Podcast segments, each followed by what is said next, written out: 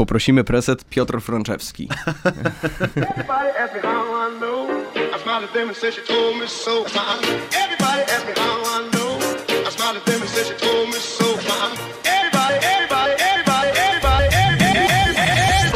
Przed wyruszeniem w podróż musisz zebrać drużynę. Czasami wiesz, jak, jak masz jakieś nagranko i tam sobie jeszcze tak trochę dla jaj, potem podłubiesz w systemie, no nie? E, I wychodzisz taki ten. albo, albo jak, no, i tak uważam, że największymi czarodziejami takim dźwiękiem są e, ludzie, którzy produkują reklamy. No. Jak kilka razy nagrywałem jakiś tam, no taką 30 sekund, chyba LG robiłem. E, I nie mogłem, zjadałem końcówki, nie mogłem Y gdzieś zrobić. Jasne. E, no to, ale powiedzmy, mieliśmy 7 wersji, Aha. i jedna była zajebista, ale brakowało tego Y. To kolej z montażysta znalazł Inne Y gdzieś. inne Y i mówi, spoko, ja samo Y domontuję. I kurwa, wplątam. Ja tak robię, wiesz, co, jak ja przygotowuję kursy moje, one mają taką strukturę, że masz slajdy, ja nagrywam potem z offu No. e, narrację do nich i czasem jakieś na przykład słowo źle powiem, to jestem królem potem dogrywania wyrazu.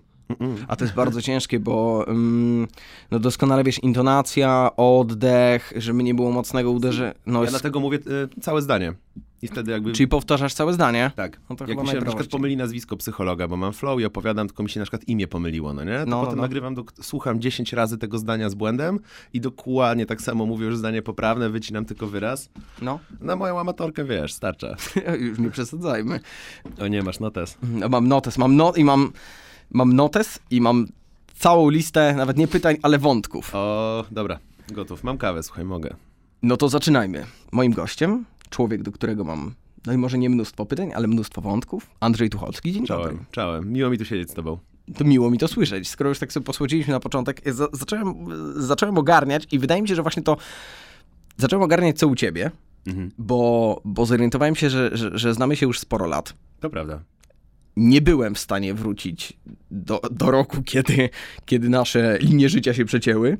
Yy, nie wiem, kiedy to było, to było kilka lat temu, ale zauważyłem, że u ciebie to, to, to, to słowo ogarniasz gdzieś tam towarzyszy tak po prostu. Nad- wiesz, że to jest clue, no nie? To jest cały czas, to jest jakiś fundament tego, co robię. No, nieważne, czy zajmuję się akurat psychologią, czy zajmuję się jakoś bardziej biznesem, czy zajmuję się jakoś bardziej strategizowaniem, to takie to pod, podstawowe ogarnięcie, które definiuje jako jak zrobić, żeby mieć mniej problemów i więcej spokoju, więcej przestrzeni, żeby zajmować się tym, co lubisz. No nie ma opcji, nie umiem zrezygnować z tego tematu. No dobra, jakbyś teraz miał powiedzieć, co ogarniasz? Mm, Co, co teraz ogarniam? Tak, ogólnie. No, no, nagranie z tobą to raz. Dwa, wiesz co, ogarniam dosyć mocną zmianę u siebie w życiu. O kurczę, ja myślałem, że tu sobie porozmawiamy o jakichś wesołych ten i jak Nie, to zaplanować jest rok, wesołe, ale to jest no, wesołe, wiesz? W sensie blogowanie i youtubowanie w formie, którą robiłem od lat. Słuchaj, mój blog ma dziesiąte urodziny w tym roku. Jakoś dziwnie mi z tą myślą. W sensie ja cały czas, ja trochę nie przywykłem, że to jest coś, co już aż tak długo robię, no nie? ale liczysz y, zjazd kulturą. Tak, tak, tak. Znaczy Liczę zjazd kultura. O, Dokładnie, zjazd kulturą, nie? Tak, tak, tak. To był 2 sierpnia 2009, więc w sierpniu mamy dyszkę, jak, jak publikuję te teksty. Tych tekstów jest tysiąc ponad 300 na tym blogu. I mam ogromne potrzeby zmian i cały czas gdzieś tam próbuję teraz sobie na nowo wymyślić te kolejne kilka lat. Strasznie fajny proces. okej, a 10 lat w internecie. Kurde, to... to, to O, człowieku, w internecie to więcej. Ja zacząłem pisać do netu w 2003, jak miałem 12 lat i skłamałem, że mam 16, więc przeczytali moje teksty i pozwolili mi je opublikować.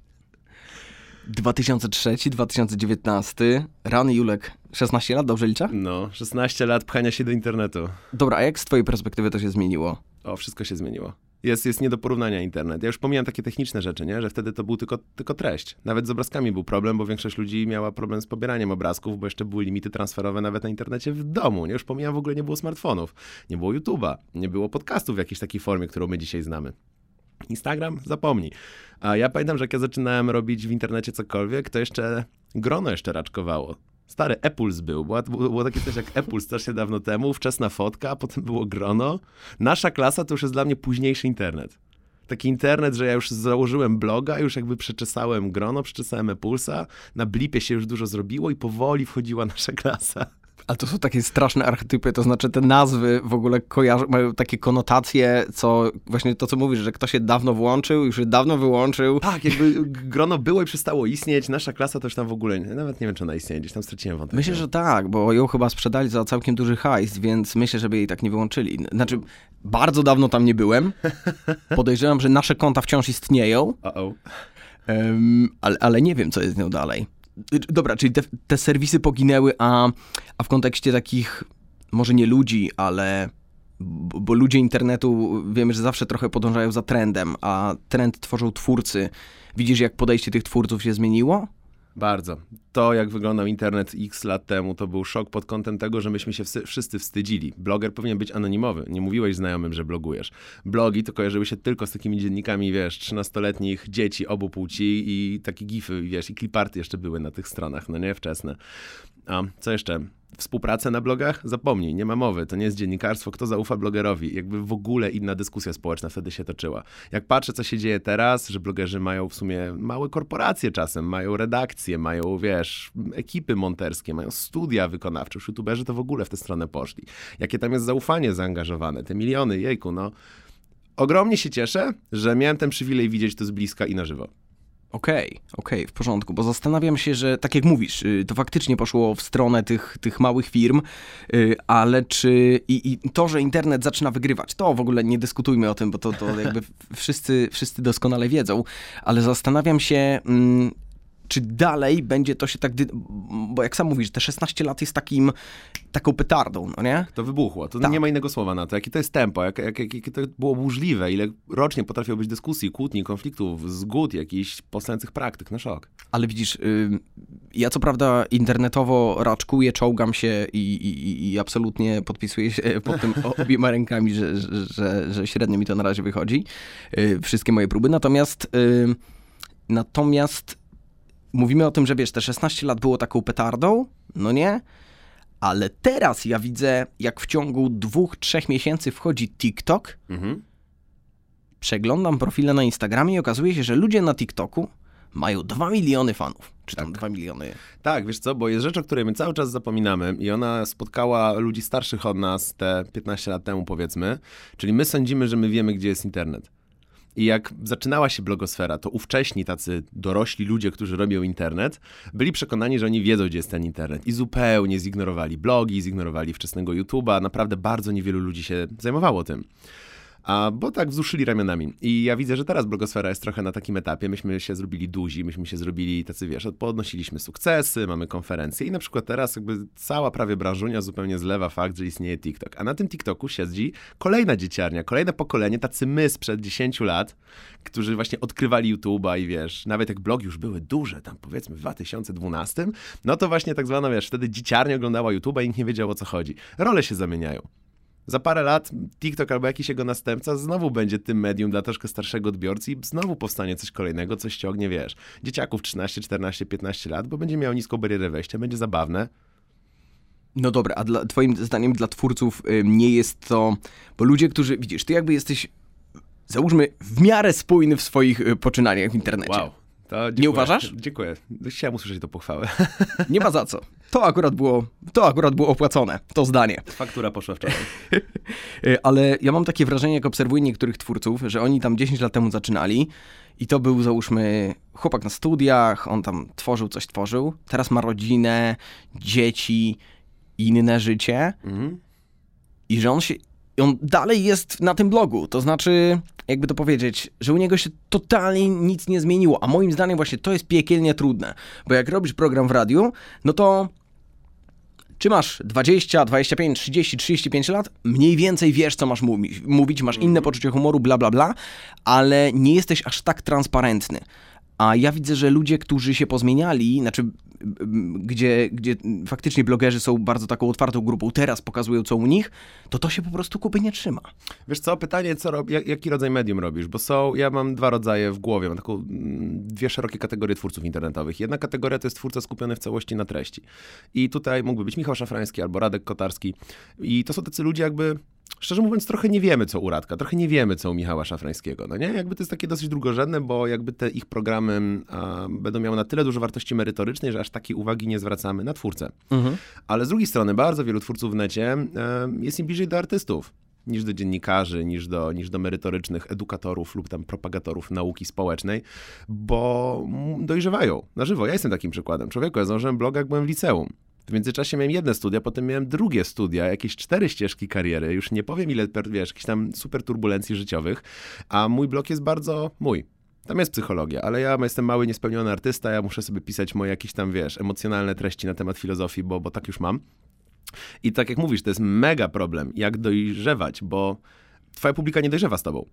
To, to jakby to tak nie działa. Twoja publika cię czyta dwa lata i gdzieś tam idzie później. Masz taki cały czas taką mgiełkę ludzi, którzy są gdzieś akurat w tej chwili dookoła ciebie, trochę nie wiedzą, co było wcześniej, trochę nie wiedzą, co było później. Ciężko jest utrzymać tą spójność, ale jeśli ktoś za wszelką cenę boi się dorosnąć, to to jest chyba największy błąd, jaki można zrobić w internecie. Jeśli ktoś strasznie się boi, że jak zaczął z treściami tam dla studentów czy imprezowymi, a strasznie się boi, że straci, a gdyby nagle powiedział, wiecie co, ale ja mam cztery dychy, nie? Jakby ja już mam, ja już mam rodzinę, nie? Ja mam ochotę tworzyć inne rzeczy. 25 juwenalia, nie? 25 juwenalia w moim życiu, dokładnie, ale to jest, to jest błąd, to jest błąd. Internet jest takim medium, który rośnie tylko i wyłącznie na zaufaniu i na byciu ludzkimi. Jeśli my zapominamy o byciu ludzkimi, to te nawet najlepiej zaprojektowane korporacje pójdą w piach. Dobra, a myślisz, że gdybyś miał, masz cały swój bagaż doświadczeń, wiesz jak to działa, yy, czego ludzie potrzebują, czego ludzie chcą, jak tworzyć te treści i tak dalej, i tak dalej. I cofasz się na przykład do momentu, kiedy zakładasz pierwszego bloga. To co byś teraz zrobił? Co widzisz, że jest takie hot i mówisz, kurde Andrzej, ja umiem montować te filmy, ja umiem pisać te teksty, będzie petarda. Gdybym dzisiaj zaczął, kurczę, wiesz co, jedną rzecz bym zrobił, nie bałbym się. To mi zdefiniowało, taki szczery wyrzut, to mi zdefiniowało pierwsze 5-7 lat tworzenia, że strasznie się przejmowałem, jak powinienem tworzyć.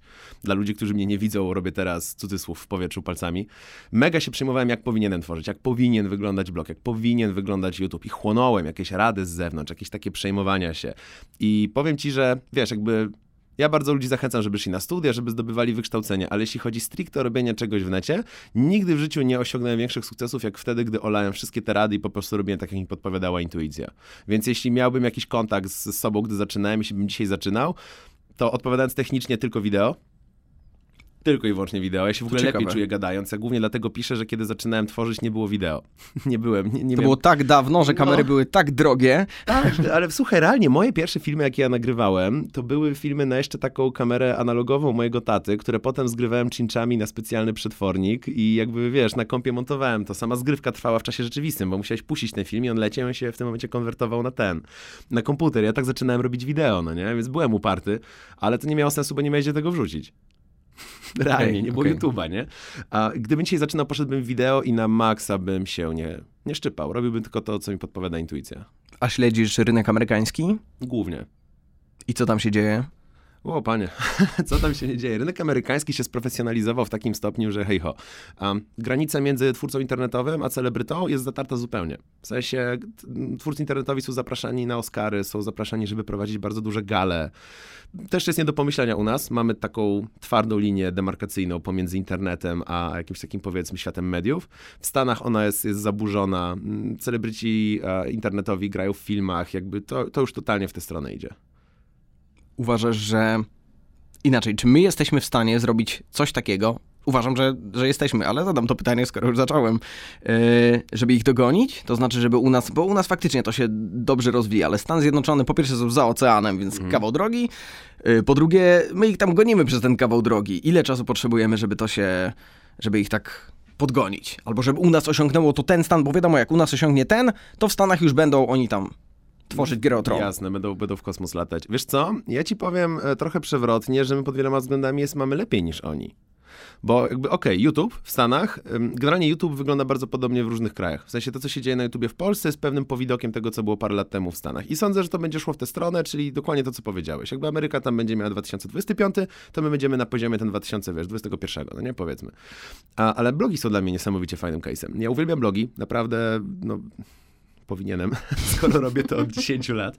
Ale powiem ci, że blogi w Polsce są w mojej prywatnej opinii o, o wiele lepszej sytuacji niż kiedykolwiek były blogi w Stanach. Blogi w Stanach są na o wiele gorszej pozycji, mają gorzej robione współprace komercyjne, są o wiele bardziej po macoszemu traktowane przez firmy.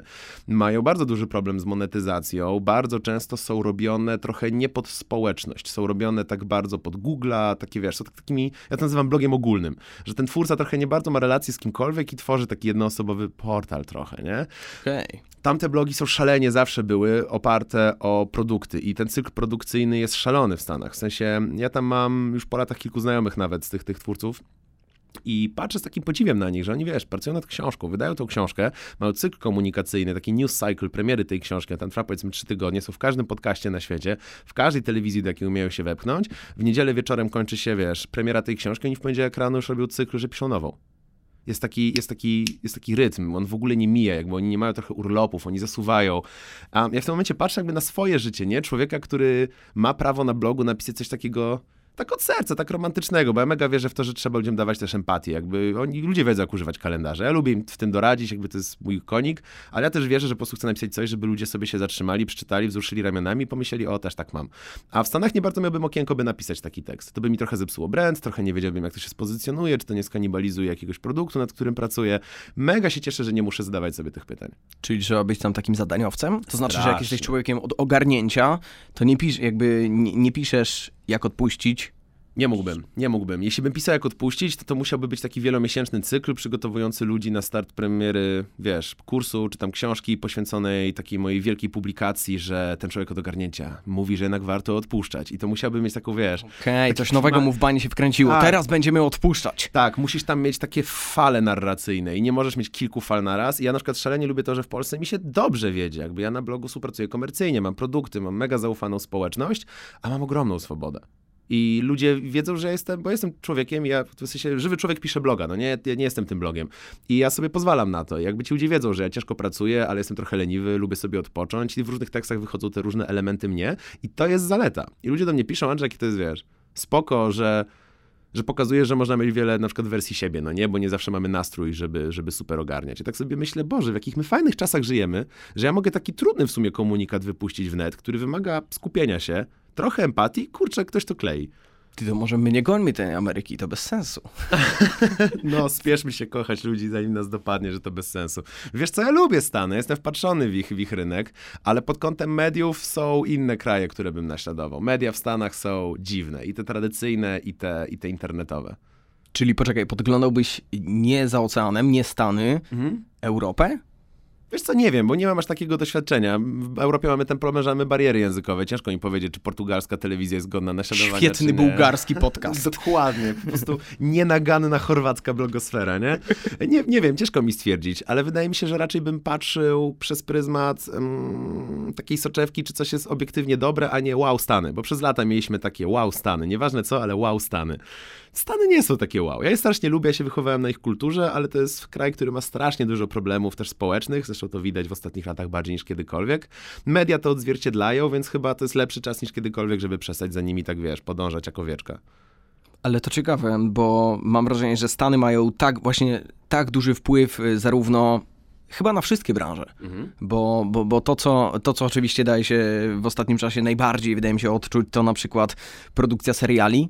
O, no, Tak? tak. No Stany Zjednoczone po prostu...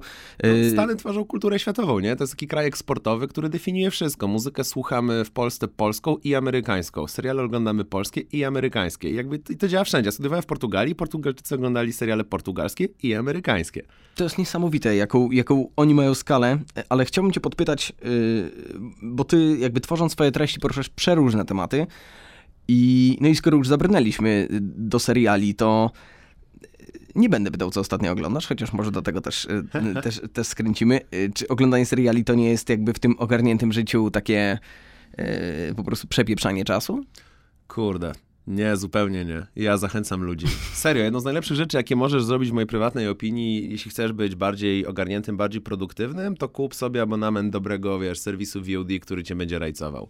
Netflix, HBO, Amazona, co tam lubisz, nie?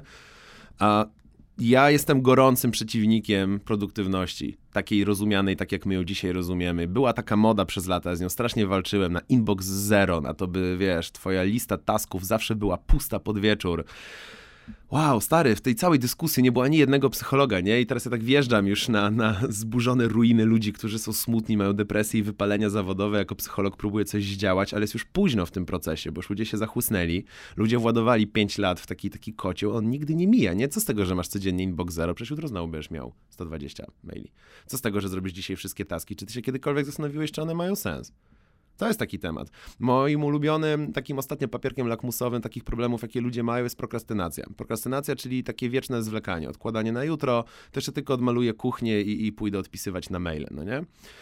A w ogóle taki side note, dygresja na marginesie, która mnie bardzo bawi. Ja przygotowałem kurs o prokrastynacji, dosyć dużo o niej mówiłem i dosyć dużo ludzi mi nie dojeżdżało, że używam modnych słów, takich amerykańskich, prokrastynacja, jakbyśmy nie mieli polskich zwlekanie. I bardzo mnie rozbawiło, że ten wyraz jest z łaciny i ja go znam od Marka Aureliusza, który go użył 2000 lat temu, nie? Ale, ale okej. Okej, czyli to słowo po prostu ma, ma swoje mocne podstawy. Tak, tak, tak. Swoją drogą Marek Aureliusz, cesarz Rzymu 2000 lat temu w swoich pamiętnikach narzeka na to, że ludzie prokrastynują. Więc w ogóle jakby temat jest znany ludzkości forever and ever. No nie w żaden sposób nie jesteśmy jakimiś tam e, unikalnymi śnieżynkami, że się ochrzaniamy. Ale na czym polega problem? Jak znajdziesz w internecie prokrastynacji i zgooglujesz, jak sobie z nią radzić, to się dowiesz, że musisz zacisnąć zęby, zrobić listę zadań do wykonania, pracować w takim środowisku, gdzie jest ci cicho, chłodno i dobrze, jesteś skupiony, wyłączyć komórkę, wyłączyć telewizor. Nie. Jakby z psychologicznego punktu widzenia. Stary, czy ty kiedyś prokrastynowałeś przed pójściem zwiedzać fajną rzecz, jak jesteś na wakacjach? Czy ty kiedyś prokrastynowałeś przed wyjściem na fajną randkę, na którą czekasz? O kurde. Dobra, to może być groźne pytanie. Będę mówił za siebie. Ja na przykład, jak już mam wolny wieczór, i wszystko zrobiłem, jest 19, mam święty spokój, robię sobie jeszcze, bo jestem dziwny, ostatnią kawkę tego dnia i mam ochotę z kumplem złapać się na, na komunikatorze internetowym i pograć na komputerze we dwóch. No ja nie prokrastynuję, po prostu to robię. Nie idę na kanapę, pooglądać internet, bo mi się trochę nie chce zacząć grać z kumplem. Czemu? Bo mi się chce z nim grać. I jak my będziemy zmuszać się do wykonywania tych tasklis, do tej naszej produktywności takiej chorobliwej, do tego, że zaciskam zęby i nie prokrastynuję, jestem strasznie dzielnym korposzczurem, my będziemy szalenie wypalonymi ludźmi. I to tak, wiesz, wcześnie, w wieku 35 lat. No dobra, ale ten przykład z grą, który podałeś, jest, jest czymś przyjemnym, co na nas czeka. Tak, i teraz przechodzimy do, do fantastycznie, zwróciłeś na to uwagę, bo dokładnie na tym polega cała zabawa. Życie ludzkie nie powinno polegać na przyjemności, ludzkie życie powinno polegać na sensie. I ja ci to powiem jako gracz, że są gry, w które nie chce mi się grać, choć jest to przyjemne, bo one nie mają progresu. Ja odpalam ją, gram z kolegami godzinę, półtorej, fajnie, że spędziłem czas z nimi, ale tak e, mech. A są takie gry, w których mam jakiś progres, coś, moja postać coś rośnie, coś zbudujemy, coś dodamy i moja radość jest potrójnie większa. Czemu? Jedno i drugie jest w teorii przyjemnością. Dlatego, że w jednym mam jakiś sens, mam coś, co się nadbudowuje. Już właśnie w czasach takiej dosyć podstawowych filozofii greckich, mieliśmy podział na hedonizm, czyli skupianie się na przyjemnościach, które nas interesują, i na eudaimonię. I eudaimonia to jest skupianie się na tym, by twoje życie było szczęśliwe, ale nie w rozumieniu przyjemności, tylko tego, że ono jest pełne, ma jakiś sens i ma jakiś wydźwięk. I my teraz żyjemy w takim dziwnym czasie, dorzucę dykrezję i gorąco liczę, że ona będzie miała tutaj sens. Ja dosyć dużo jeżdżę na targi karier, bo z wykształcenia jestem psychologiem biznesu, pomagam jako doradca zawodowy. Nie? I moje pierwsze pytanie do ludzi, co byś chciał zrobić jako wymarzoną karierę? Ja jestem headhunterem, pracuję dla nielimitowanej firmy z nielimitowanym budżetem, ona się nazywa firma Incorporated. Mogę ci dać dowolne stanowisko. Co chcesz robić? I powiem ci stary, że ci ludzie bez pudła opisują mi urlop. Strasznie chciałbym dużo podróżować, mieć wiele czasu dla siebie. I tak, dude, to nie jest praca, nie? Jakby nie wiem, w jaki sposób ci to powiedzieć. I to jest stary, to 10% ludzi mi to, 10% ludzi, których pytam o ich wymarzoną pracę, opowiadają mi urlop. Bo nam się zupełnie zaburzyło Właśnie to, na czym powinno polegać robienie czegokolwiek w życiu. Ludzie sądzą, że życie się dzieli na zaciskanie zębów i na hedonizm, na przemian. I przeskakujesz, tak trochę jakbyś włączał i wyłączał światło i wiesz, modlił się, że to jest stroboskop dyskotekowy. Włączam światło, zaciskam zęby, jestem produktywny, grind, hustle, kawa, wstaję o 5 rano, hashtag nocna zmiana, wiesz, jesteśmy super zajęci, potrójny etat, mam pieniądze, no nie? Po czym wyłączam i pełen hedonizm. Pojechać na urlop, odciąć się, eskapizm, mam ochotę chrzanić wszystko i pojechać w Bieszczady, nie lubię Warszawki, nienawidzę technologii, gdybym mógł, to bym nie miał konta na Facebooku. Po czym przychodzi poniedziałek, bum, włączamy światło i znowu to samo. Łatwo się skrzywdzić w ten sposób. A tym, co powinno spiąć te dwie rzeczy, jest właśnie poczucie jakiegoś sensu, poczucie po co ja to robię. Nawet praca, która jest strasznie słaba, bo jest dużo prac, które są po prostu nieprzyjemne, trudne, męczące i nie dość płatne. Kurde, Mogę mówić o tym, że jej nie lubię, a mogę sobie wyobrazić, że dzięki temu wspomagam swojego młodszego brata, żeby poszedł na studia, które kocha. I w tym momencie ta wypłata nagle znaczy dla mnie, wiesz, 16 razy więcej, no nie? Mogę lubić kogoś w tej pracy, mogę lubić to, w jaki sposób pachnie to pomieszczenie. Już teraz tak wymyślam i troszkę szyję, ale jeśli człowiek zacznie się skupiać na rzeczach, które lubi w tym, co musi, stary, my nagle przestajemy prokrastynować. Dobra, czyli wnioskuję, że po prostu, bo to, o czym mówisz, jest trochę takim przełączaniem się. Mhm. Bardzo srogim, tak? No bo jednak, wiesz, Bieszczady, tam, wiesz, medytujemy, patrzymy się na żubry. Mordor Bieszczady, Mordor Bieszczady. Kurde, żubry w Bieszczadach. Żubry w E, Bieszczadach. no ale wiesz o co chodzi, jakby totalnie odpuszczamy, ale to co Jasne. mówisz, ósma poniedziałek, a teraz, to wiesz, najlepsza wersja mnie, no nie? Dokładnie, dokładnie. Y, na, Krawacik, żakiecik. no okej, Y, natomiast, y, czyli W którą stronę powinniśmy pójść? W żadną, po środku. Powinniśmy, y, jest takie powiedzonko, które strasznie lubię, ja nie lubię człowieka, który je powiedział, bo jest dosyć wątpliwym mówcą motywacyjnym. Wiesz co, kiedyś na studiach zrobiłem taki eksperyment i poczytałem najlepsze książki y, motywacyjne z kolejnych dekad. O, srogie doświadczenie. Byłem mega stary ciekaw, co, jak, co ludzie chcieli słyszeć w takiej najbardziej popularnej formie w latach 50., 60., 70., 80. i 90. To jest w ogóle temat na osobne półtorej godziny gadania, jak się zmieniały te rzeczy, bo wiesz, były takie dekady, gdzie najlepsze książki motywacyjne mówiły bądź trybikiem, pochyl głowę, zachrzanie w korporacji. I to była motywacja i ludzie bili brawo i wstawali, nie? Mija 15 lat i najlepsze książki motywacyjne mówią chrzań korpo, zerwij garnitur, zerwij kajdany, wywal na kajmany, nie? I wtedy w tym momencie ludzie wstają biją brawo. Kosmos po prostu, jak się zmienia publika. No jest taki jeden wątpliwy ziomek, już właśnie dosyć wiekowy i on ma takie jedno zdanie, które mi strasznie zapadło w pamięć. To zdanie strasznie się cieszę, że przeczytałem, bo książka była taka se, e, że nawet jeśli nie lubisz swojej pracy, możesz polubić siebie w tej pracy. I powiem ci stary, że mi to trochę życie odwróciło, ten tok myślenia, bo ja jakby mam swoją działalność mm, gospodarczą i ja lubię pisać, ale na przykład nie lubię robić faktur. No nie przepadam za siedzeniem w Excelu. Gdybym lubił, to bym jakby kontynuował moje pierwsze biznesowe studia. Ale zamiast nienawidzić tego, co przez lata robiłem, przez lata to tak wyglądało, że jak mam zrobić jakiś Excel, jakąś ofertę, jakieś coś, to tak wiesz, ręce na stół, ciężko wzdycham, po prostu zakładam sobie homonto i z taką głęboką niechęcią pracuję. A ja się nagle zorientowałem, że mogę zadbać o wszystko dookoła. I jak ja to robię, na przykład regularnie trochę sobie ogarnę w okolicy, zrobię sobie moją ulubioną kawę w moim ulubionym kubku, zawsze będę wybierał pół godziny moją ulubioną playlistę, żeby mi było naprawdę miło. I jak zadbam o te wszystkie rzeczy, to znienacka robienie takiej prostej, skupionej pracy, bo w przypadku, serio, nawet najgorszy Excel jest dla mnie trochę prostszy niż praca twórcza. Bo ja wiem, co mam tam zrobić. Ja po prostu przepisuję rzeczy do rubryk, nie? To mnie aż tak nie, nie wyczerpuje emocjonalnie. I to się z nienacka zrobiło strasznie przyjemne, bo zrobiłem z tego jakieś sobie formę urlopu psychicznego. I ja się realnie cieszę, jak mam raz na tydzień, raz na dwa tygodnie dzień administracyjny. Bo wiem, że wtedy nie muszę odpowiadać na trudne pytania, wiem, że nie muszę się zmagać, wiesz, z jakimś tam przekazem twórczym. Jeśli człowiek się będzie skupiał na tym, żeby sobie jakoś to ubarwić, będzie dobrze. Szczególnie, że jako dorośli ludzie mamy, mamy taką zdolność, która się nazywa psychologii samostanowieniem. Ty możesz samostanowić, co jest dla ciebie ważne. Jasne, że twoje dzieciństwo, twoja przeszłość podpowiada ci to, co lubisz, ale jesteśmy dorośli i osoba dorosła sama może wybrać, co będzie lubić i może się do tego nakręcić i mamy ku temu narzędzia we łbie. Poczekaj, czyli działa to na przykład tak, że nienawidzimy kosić ogródka. Tak. Swoją drogą mam takiego sąsiada, który, który kojarzycie jak są takie, kojarzycie jak są takie bloki i te mieszkania na parterze po jednej st- mają taki Pseudoogródek. ogródek, ale taki no 3 na 2, nie? I mam kilku sąsiadów, którzy mają takie wielkie kosiarki, które zajmują pół tego ogródka. No do, dobra, ale wracając. Y, I wiesz co chodzi? To są trzy obroty, no nie? I Ale pot- ale mają sprzęt. Y, I nienawidzimy kosić. Mhm. No nie, no strasznie. A to trzeba robić. Co powinniśmy sobie wkręcić, że to koszenie to jest głaskanie trawy, a my lubimy głaskanie. Nie mam pojęcia, wiesz co chodzi, mamy sobie zbudować do tego y, świat i podejść Stary, do. whatever works for you. W sensie moją jedyną odpowiedzią jest zawsze zrób tak, żeby to tobie było miło. Ja wychodzę z założenia, s- słuchaj, mamy jakąś tam ograniczoną liczbę godzin na tej planecie, no nie? Ja zawsze wychodzę z założenia, że jeśli mam coś zrobić, ja i tak to mam zrobić. Jeśli ja nie chcę tego ogródka, mogę, mogę go opchnąć, mogę go zalać betonem, mogę to zrobić oczko wodne, ale mam, ten, mam to trawę, no nie? Czyli zakładam, że chcę kontynuować mieć tą trawę. To jest takie podstawowe założenie logiczne. Czy chcę mieć tą trawę? Tak. Czy chcę, żeby ona była absolutnym bajzlem, który po prostu wygląda strasznie i tam mieszkają żubry, bo to jest w Bieszczadach? I tak sobie myślę, no nie, chcę, żeby to sprawiało mi jakąś radość. Czyli już wiem, że muszę to zrobić. No to jaki jest sens nie lubić tego. I w tym momencie powstaje pytanie, co by sprawiło, żeby mnie, żebym ja to polubił. Na przykład znam takiego jednego człowieka, który ma dosyć dużą działkę i on na tej działce chciał robić grille i nic więcej, ale działka jest duża, no nie? Więc jakby żona go trochę katowała, żeby faktycznie też, też pomagał dbać. To nie tak, że on będzie na ganku robił grilla, a ona będzie ten. I stary, wydarzyło się to samo, o czym ty przed chwilą opowiedziałeś, mianowicie koleś sobie kupił kosiarę, taką wielką do jeżdżenia, która ma w ogóle miejsce, żeby wstawić, wiesz, puszkę z Coca-Colą oczywiście.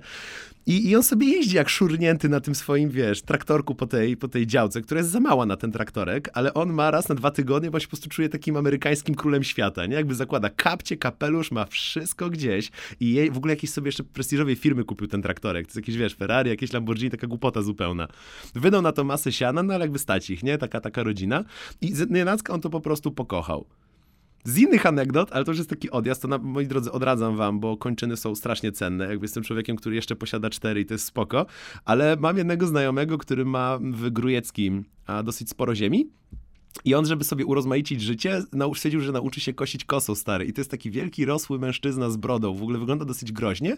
I czasem go można rano spotkać, jak on ten taki swój prywatny ogródek dookoła chaty zasuwa z kosą taką gigantyczną. I on po prostu uwielbia to, nie? W sensie w ogóle obejrzał na YouTubie tutoriale, znalazł jakieś w ogóle, pokazywał mi mistrzostwa, które się w Rosji dzieją, koszenia kosą na czas, jakiś tam 100 metrów trawnika. Typ się w to wczuł na maksa, zapuszcza sobie na słuchawkach wygłuszających ciężki hip-hop i wiesz, i sroży.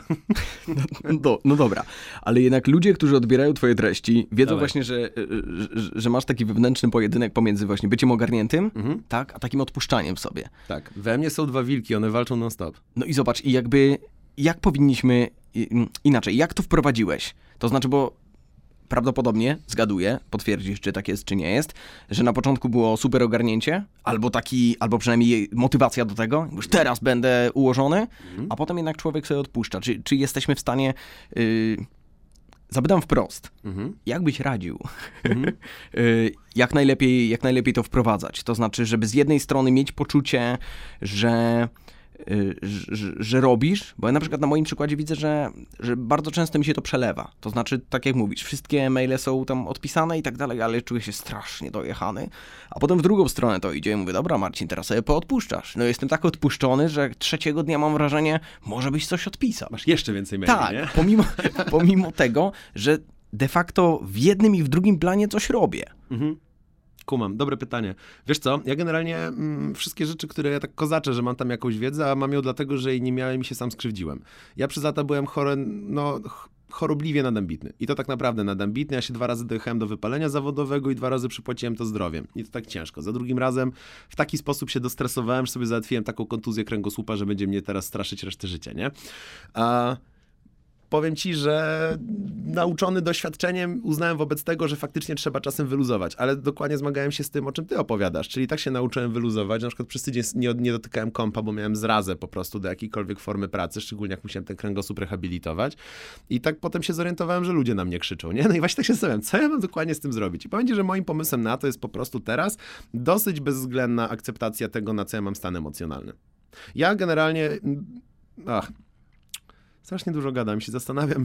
No, w trochę o to sposób- chodzi, nie? Zastanawiam się w jaki sposób, wiem, ale mam ochotę jeszcze więcej gadać, a, a jednak staram się też zadbać o jakiś element rozrywkowy dla osoby, która to będzie słuchać. Wiesz co, ja wychodzę z założenia, że wszystko w człowieku jest po coś. Bardzo lubię ten film, a w głowie się nie mieści, Mhm. Disneya. Znaczy mam z nim trochę kosy na poziomie scenariusza, ale jeśli chodzi o wartości, jest przepiękny. Ale film Disneya dopuszczasz kosę na poziomie scenariusza. Tak, tak, tak. Ja w ogóle z wieloma filmami dla dzieci mam dosyć spore problemy pod kątem tego, jaki morał konkretnie one próbują przekazać, ale to jest inny wątek. I wiesz co? Tylko minimalna dygresja, to ciekawe, że, y, że jakby w tym wieku się dyskutuje o takich rzeczach, no nie? Że jak idziesz, y, jak pierwszy raz oglądasz Króla Lwa, to nie mówisz do rodziców, a dlaczego? A to niesprawiedliwe. Nie łykasz takich rzeczy, ale wiesz co, w ogóle Króla Lwa zobaczyłem pierwszy raz mając 16 lat, czy coś w tym stylu. Nie wiem, jakim cudem mnie ominął. Ominął mnie po prostu na amen i powiem ci, że jak się ogląda pierwszy raz w tym wieku, to to nie jest aż tak wspaniały film. nie mam tego, wiesz, nie mam tego ładunku emocjonalnego z dzieciństwa. Ale wracając. E, Masa ludzi na przykład żyjemy w takich czasach, znowu, to jest trochę wina Ameryki, że nie akceptujemy smutku. I smutek jest czymś złym. My uciekamy od smutku, nie lubimy gadać o smutku. A jak już y, gadamy o smutku, to on jest z kolei często tak gloryfikowany, że to jest wręcz takie strasznie dobre i jakby z radością coś było nie tak. Jest taka trochę niezdrowa ta dyskusja w mojej opinii. A smutek jest stary najlepszym kompasem, jaki ty możesz mieć w sercu. Bo w momencie, kiedy ty odczuwasz smutek, twój organizm, twoja psychika podświadomie ci mówi, ziomek wyluzuj, coś się właśnie dzieje, co dla ciebie jest sytuacją, która ma duży ładunek emocjonalny, a nie jest on do końca przyjemny i zastanów się nad tym. I uwielbiam. Ja w ogóle dlatego lubię prokrastynować. Jak ja zaczynam prokrastynować, jak ja się orientuję, że 16 raz robię taką rundę Instagram, Facebook, Gmail, wyłączam Gmaila i znowu Instagram, Facebook, Gmail, bo może coś nowego się wydarzyło. Jak ja się łapię, że to robię, ja stary mam od mojego organizmu za darmo Telegram, który brzmi Andrzej, słuchaj, wiesz co, dzwonił telefon, żebyś zamknął mordę, na chwilkę wyluzował, usiadł na kanapie, bo coś nie gra. Ja mega lubię się orientować, że mam takie problemy, bo to jest stary gratisowe, gratisowe info dla mnie.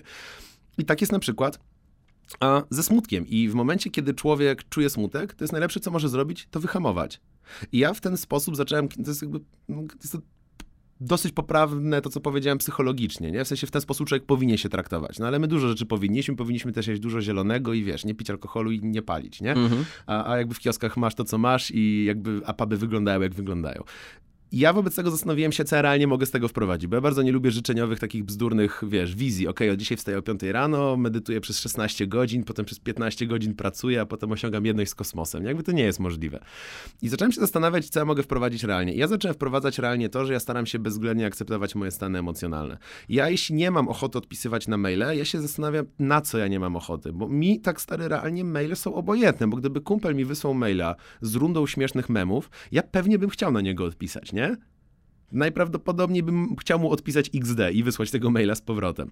Ja się zaczynam zastanawiać nad takimi rzeczami wtedy. Jeśli ja na przykład siadam, mam mieć jakiś telefon i czuję, że ja czwarty raz odpycham ten telefon. Puściłem pranie, bo ja pracuję z domu, przejrzałem tam w internecie, w ogóle napisałem stary artykuł i nadal nie, nie, nie, nie wykonuję tego telefonu. To, to jest moment, kiedy ja się zastanawiam, o co mi w tym chodzi. Jeśli ja bym zacisnął zęby i po prostu wykonał ten telefon, ja bym to przypłacił kosztami psychologicznymi. Koszty psychologiczne, czyli narastająca frustracja, irytacja, zmęczenie, to dlaczego chcemy uciec w Bieszczady i, i wiesz, i głaskać dzikie zwierzęta i patrzeć się, wiesz, w świat, nie? A ja się na przykład zastanawiam, że nie odchodzi, że ja się boję tego telefonu. Ja się boję, ja się boję tego, że w tym telefonie będę musiał powiedzieć, że nie wiem czegoś. I w momencie, kiedy ja sobie, ja się orientuję, że ja nie mam jakby problemu z telefonem, ja lubię tego człowieka, fajnie mi się z nim pracuje. Ja się cykam stricte faktu, że w trakcie tego telefonu mam jedną rzecz niedograną, być może ja dałem ciała, być może coś się wydarzyło, ja czegoś nie wiem i muszę dopytać, a jest trochę za późno na to. Ja w momencie, kiedy się orientuję, że o to chodzi, ja nagle przestaję mieć z tym problem. Wykonuję ten telefon i zaczynam od tego tematu. Jasne, boli mnie ego, jakby trochę mi tak, wiesz, szczypie mnie psychicznie to, że, że nie jestem super, nie? I nie powiedziałem, stary, wszystko jest na wczoraj, w ogóle wyluzuj, jest fantastycznie. Ale jak ty zaczynasz temat z takiej pozycji, mało kto jakby będzie dla ciebie przesadnie się pasją nad tobą. Jasne, że tam na przykład łapie okrzan, oj Andrzej, ale to powinno być od tygodnia. Mówię, wiem, przepraszam, nie? Ale czy możemy to zrobić teraz? I w sumie jest po temacie. Bardzo często ja się orientuję, że kiedy mam jakąś super niechęć do roboty, to tak naprawdę mam niechęć do czegoś cholernie wąskiego. Jakichś głupich 2% tej roboty. No i nie wiem, jest moim prywatnym hobby rozkminiać te procenty, no nie? I w długofalowym rozrachunku łapię się na tym, że na przykład regularnie mam taki czas, że nie odpoczywałem cały dzień. Serio, w sensie zasuwam od 9 do 21, ani razu, nie wiem, nie pograłem na komputerze, nie obejrzałem ani odcinka serialu, no taki, taki skupiony, skupiony czas, a mam świetny humor. A ja jestem tak leniwym ziomkiem, stary, prywatnie ja jestem tak nieludzko leniwą bestią, że jak ja łapię taki dzień, to, to coś chyba musiało wyjść, nie? W sensie, że ta sama praca nie generowała we mnie negatywów. Pamiętam jak y, Michał Szatiło, Woland, y, kiedyś, kiedyś powiedział mi coś takiego, że on stosuje, nie wiem czy dalej, ale to było kilka lat temu, powiedział mi, że ma taką taktykę, y, że wszystkie zadania, które zajmują poniżej 3 minut, robi od razu. Bo więcej czasu zje mu przenoszenie ich, przepisywanie ich dalej, niż zrobienie tego. A ja robię to samo. Ja robię to samo. Dobra, ale Stary, jest idealna ta metoda. to, co teraz mówisz, ym, zgadzam się z tym, tylko mam wrażenie, że wiesz, rozmawiamy trochę, jesteś twórcą, tak jak mówisz, pracujesz z domu, możesz sobie tym, załóżmy, przykładowym telefonem troszkę żonglować, no nie? Masz przestrzeń, wiadomo, że sam ją sobie stworzyłeś, ale, ale masz przestrzeń na to, żeby troszkę, żeby się zastanowić, żeby, wiesz, złapać oddech i tak dalej. A jak przenieść to na realia mm, ludzi, którzy mm, jakby pracują w firmach mniejszych, większych, gigantycznych, gdzie jednak mm, są tacy sz- szefowie, y, którzy nie do końca rozumieją twoje trzecie zdanie. Wiesz o co chodzi, Jasne, no nie? kumam. Wiesz co, miałbym tutaj jedną radę. Chodzi One- mi o to, jak to przenieść, nie? Czy, czy da się w ogóle? Przenieść nie. Przenieść się nie da. Dokładnie tego samego systemu nie da i ja mam dosyć sporą awersję do takich klasycznych struktur firmowych, więc ja po prostu trochę muszę pracować sam. Najprawdopodobniej nie wątpię, żebym się dogadywał w jakiejś dużej strukturze fantastycznie z górą i z dołem. Ja lubię być taką osobą troszeczkę poza równaniem. Nawet jak pracuję z jakimiś dużymi podmiotami, zawsze jestem z boku jako konsultant. Jakby bardzo lubię być poza zupełnie jakąś taką tam strefą. Wiesz, co bym zaproponował? To jest taka inna rzecz, o której bardzo dużo myślę ostatnio. Ja nie. O, kol... Wiesz co? Ja poszedł wdech, musisz wypuścić. Poszedł wdech, wiem, już muszę to powiedzieć. Wiesz co, mm, ja jestem najczęściej przez ludzi, którzy mnie nie czytają, podsumowywany tak, ej, Tucholski to chyba ten ziomek od motywacji, nie? Ja nienawidzę słowa motywacja i to jest dosyć ważne, że, że, żebym teraz o tym wspomniał. To, że tobie, tobie się nie musi chcieć, żebyś coś zrobił. To jest taka absolutna bzdura, którą myśmy się zachłysnęli, że ludzie, którym się czegoś nie chce robić, uczą się, jak zrobić, żeby im się zachciało. Dla mnie to jest inherentnie chorobliwe. Bo są rzeczy, których nigdy ci się nie będzie chciało. Nigdy ci się nie będzie chciało robić strasznie nudnych rzeczy. Nigdy ci się nie będzie chciało jakby siedzieć na spotkaniu, które powinno być mailem, nie? Drugą godzinę, a szef nadal nie jest w stanie wyjść poza anegdoty z faktu, że był z żoną, wiesz, na Bermudach. No nie? I tak sobie siedzicie i go słuchacie, jest jeszcze 18.15. Nie ma opcji, żeby ci się chciało tam siedzieć. A, ale w mojej opinii cała ta dyskusja jest pomylona.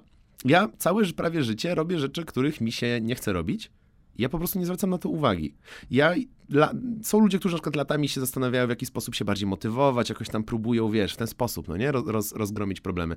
Ja się zastanawiałem latami, co robić, żeby, żeby to w ogóle nie była część rozmowy w mojej głowie. Ja mam taką zasadę, że ja się nie kłócę z kalendarzem. Jeśli ja mogę sobie, to o czym ci teraz opowiadałem, to jest taki stan idealny. On rzadko oczywiście mi wjeżdża, że sobie robię kawkę, mam dobrą muzykę, jakby wiesz, słońce świeci, ptaszki ćwierkają i w ogóle za mojego, z, jakby z okna widzę las, nie? To nie jest aż tak częste.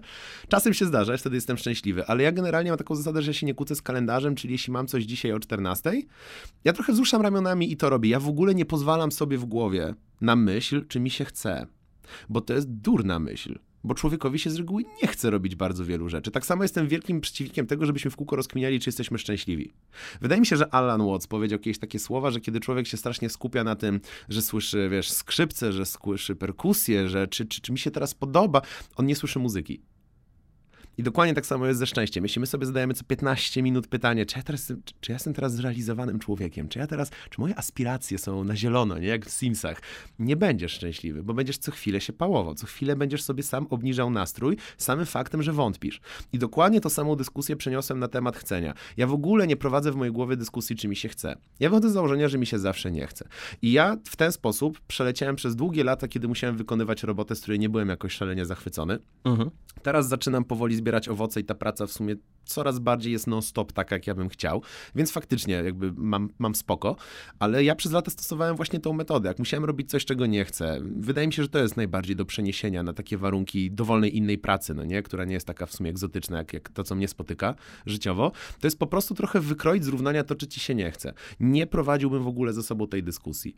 I nie o to chodzi, żeby zaciskać zęby. O, dobra, to ja będę kozakiem i będę robił rzeczy, które mi się w ogóle można można żyć nie, nie zadając sobie tego pytania. Można po prostu robić kolejne rzeczy. Można w spokoju skupiać się na kolejnych rzeczach. Można sobie pozwalać na krótkie wyprostowania się w fotelu, popatrzenie w sufit, westchnięcie, ja strasznie dużo zrzędzę na przykład. Moją metodą na oswajanie rzeczywistości jest to, że ja non-stop zrzędzę. Ja mam generalnie non-stop dobry humor i ja non-stop zrzędzę. To po prostu tak działa, że ja w ten sposób wyrzucam z siebie jakieś właśnie, wiesz, takie, o Boże, nie, najgorszy dzień na świecie, hashtag najgorzej, nie chce mi się w ogóle, odinstalowuję tego bloga. Jakby to są takie rzeczy, które mówię regularnie, pozwala mi to oswoić rzeczywistość.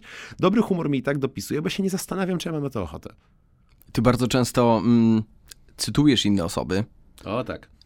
I też wiem, że czy, czytasz bardzo dużo biografii. Mhm. Uważasz, że historie takie, historie, przykłady, bo też pytam o to też, bo sam to bardzo lubię, mhm. Y, bo, bo często dostajemy, czytając y, biografię nawet dużo starszych osób, znaczy ludzi, którzy żyli w innych czasach, możemy się dużo nauczyć, Uważasz, że, że możemy to przenieść? To znaczy to, że to, co oni nam jakby dają, to, co nam pokazują, y, to, co prezentują swoimi postawami, że wiesz, czytasz taką biografię na przykład Steve'a Jobsa i tak sobie myślisz, kurczę, kurczę, Steve, Steve, tak ładnie wymyśliłeś tego Apple, a ja mam teraz taki pomysł na rolety. A ja też mam garaż. Nie, no wiesz Jedziemy, co chodzi, nie? No. Chodzi o to, czy, czy, czy Twoim zdaniem jesteśmy w stanie to przełożyć? To znaczy, czy my tylko wyciągamy z tych książek yy, i historii yy, sławnych mhm, osób, które mhm. osiągnęły sukces albo nie, mniejszy bądź większy. E, wyciągamy tylko ładne cytaty, czy jednak realnie w, jesteśmy w stanie to przenieść? Generalnie jest bardzo dużo dowodów, że czytanie biografii, skupianie się na ludziach, którzy odnieśli sukces jest słabe bo mamy coś takiego jak confirmation bias, jakby generalnie dużo tam jest takich błędów umysłowych, które się odpalają w człowieku, bo nie zwracamy uwagi na masę innych rzeczy. Nie zwracamy uwagi na to, że Steve Jobs miał dostęp do komputera w dosyć przełomowym wieku swojego życia, kiedy nikt inny nie miał i dzięki temu zdobył pewien edge i tak dalej. Jakby osobny temat. Wiesz co, odpowiem ci, po, polecając książkę i cytując ją, bo czemu nie. Jest taka książka, którą strasznie lubię, nazywa się Czego się nauczyłem straciwszy milion dolarów. Jest to książka o typie, który, werble, werble, stracił milion dolarów.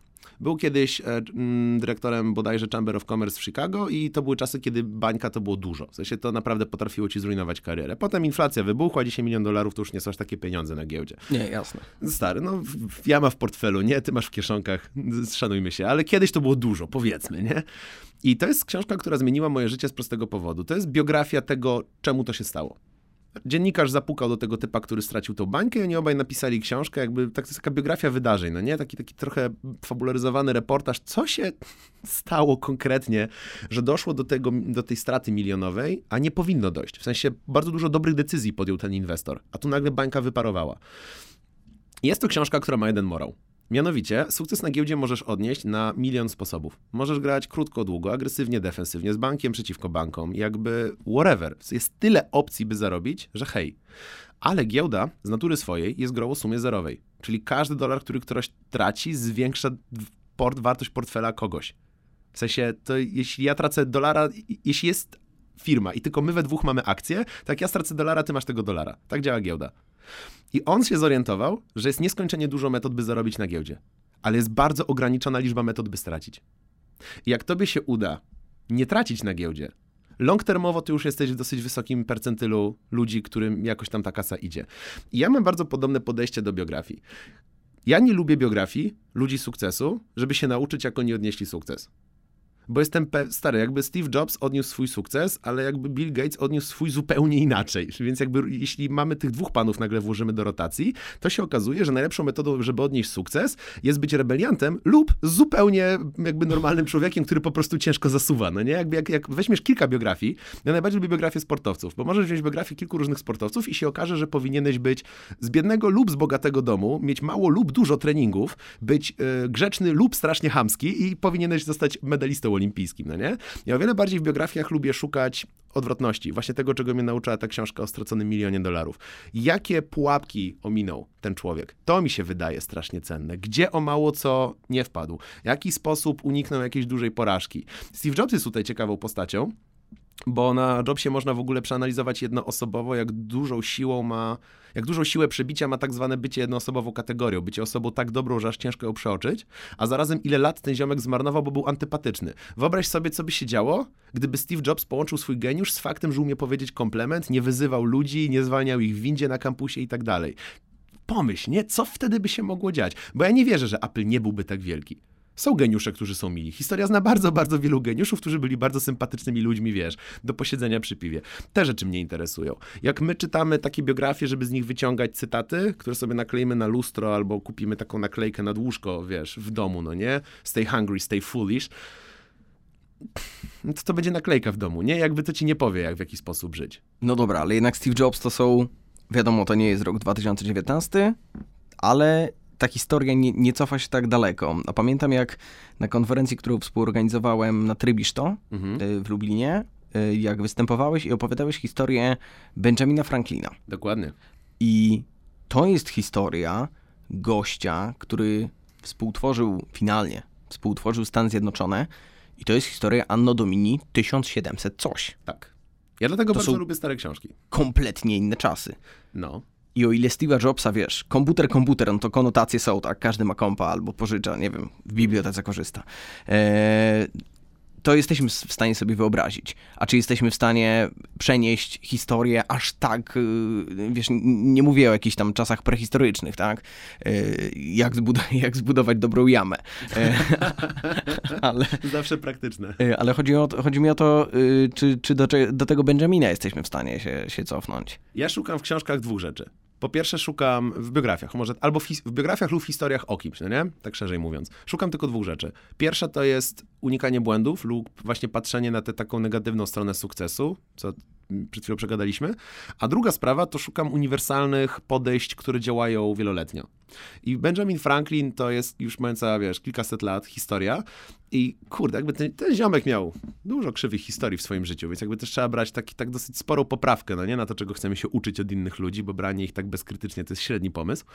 Ale są pewne podejścia, które po prostu punktują. Jest bardzo wielu polityków, którzy potem naśladowali bardzo konkretne pomysły, jakby zachowania, które pierwszy raz tam przejawił, powiedzmy, bardziej publicznie właśnie Ben Franklin i one zawsze zadziałały. I to jest taka rzecz, która mnie mega ciekawi. Ja, słuchaj, no, wspomniałem o nim wcześniej, moją ulubioną książką na całym świecie, jedną z dwóch, ukochanych moich książek są rozważania Marka Aureliusza, nie? Jakby literatura, która ma dzięki Bogu 2000 lat i jest to prywatny dziennik, który cesarz Rzymu pisał sobie i najprawdopodobniej on nie miał być kiedykolwiek publikowany jakoś szerzej. Sądzę, żeby się zdziwił w opór, gdyby wiedział, że on jest dzisiaj w polskich, w ogóle, że jest Polska, a w tej polskiej księgarni jest jakby do kupienia za 9 zł jego prywatny dziennik. Sądzę, że to jest trochę niekoleżeńskie, słuchaj, że myśmy wzięli jego prywatny dzienniczek. Że jest tak, że chamsko go sobie czytamy. No i wiesz, i na przykład czytasz tam, strasznie mi to dodaje otuchy, że cesarz Rzymu, no nie, 2000 lat temu, w trakcie w ogóle mega wielkiej kampanii na północ, którą wtedy prowadził, bo to było okolice Moraw, o ile dobrze pamiętam, gdzie, gdzie, gdzie on to pisał, on na przykład pisze, że taką rzeczą, która mu jakby sens powiek ściąga jest to, że ludzie go strasznie wkurzają, nie? Że on generalnie ma takie dobre pomysły na swój dzień, ale ci ludzie, no takie patałachy. I on ma na przykład tam swoją opisał metodę radzenia sobie jakby, nazywając rzeczy po imieniu z debilami, którzy mu zawracają gitary, kiedy on chce sobie pocesarzyć. I on napisał, że jego takim ważnym podejściem do drugiego człowieka jest to, że kiedy on widzi drugiego człowieka, on zawsze zakłada, że ta druga osoba to taki ja, tylko trochę inny. I ona nie ma złych intencji, nie chce mojej śmierci, nie chce mojej choroby, ona nie chce źle, nie jest wredna, nie jest głupia, nie jest idiotą, ta osoba być może teraz ma swój problem lub nie umie inaczej. I on stara się w ten sposób patrzeć na drugiego człowieka, bo dzięki temu druga osoba nie wzbudza w nim emocji, a on jest w stanie załatwić jej problem.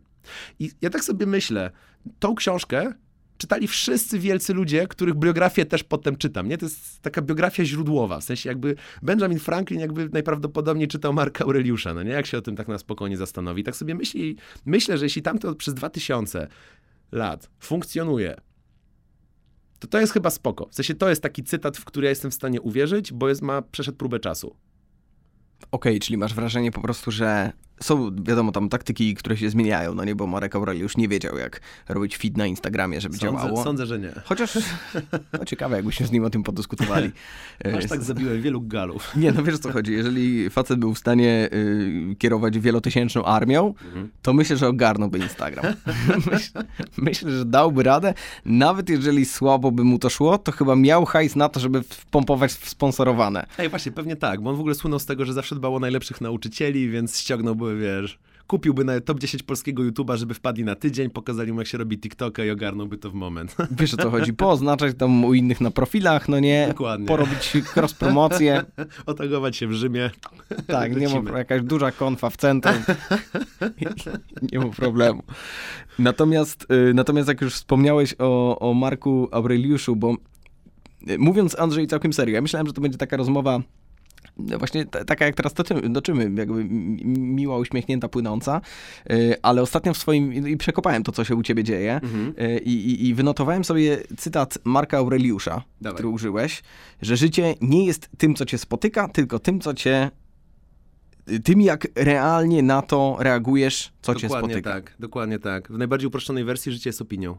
Tak. Mój A- ulubiony cytat, mój jedyny pomysł na tatuaż, jaki mam. Ale zrobiłbyś go po polsku? E, nie. No właśnie, no właśnie, żeby wszyscy Nie, pytali. zrobiłbym go symbolicznie. Bo, a, mm, a... Chwila ciszy, musiałem się zastanowić. Y, A ten cytat pojawia się w filmie, y, który nazwałeś bardzo krótko Boję się. Wszyscy się boimy. Wszyscy No. się boimy. E, I, I opowiadasz tam o czymś takim, y, też ja byłem troszkę zaskoczony, obejrzałem oczywiście cały, żeby, żeby wiedzieć, co tam mówisz, a nie początek i A, koniec. to ty mi nabiłeś tego viewsa, dzięki. I dzięki. troszkę środka. No i tam opowiadasz w bardzo otwarty sposób e, swoje takie, no rozkminiasz, ale w, po, powiedziałbym w taki sposób YouTubeowo rzadko występujący, Mhm. że wszyscy się boimy. Wiesz co? Przez chwilę będę musiał się przechwalić czymś, ale zaraz przestanę.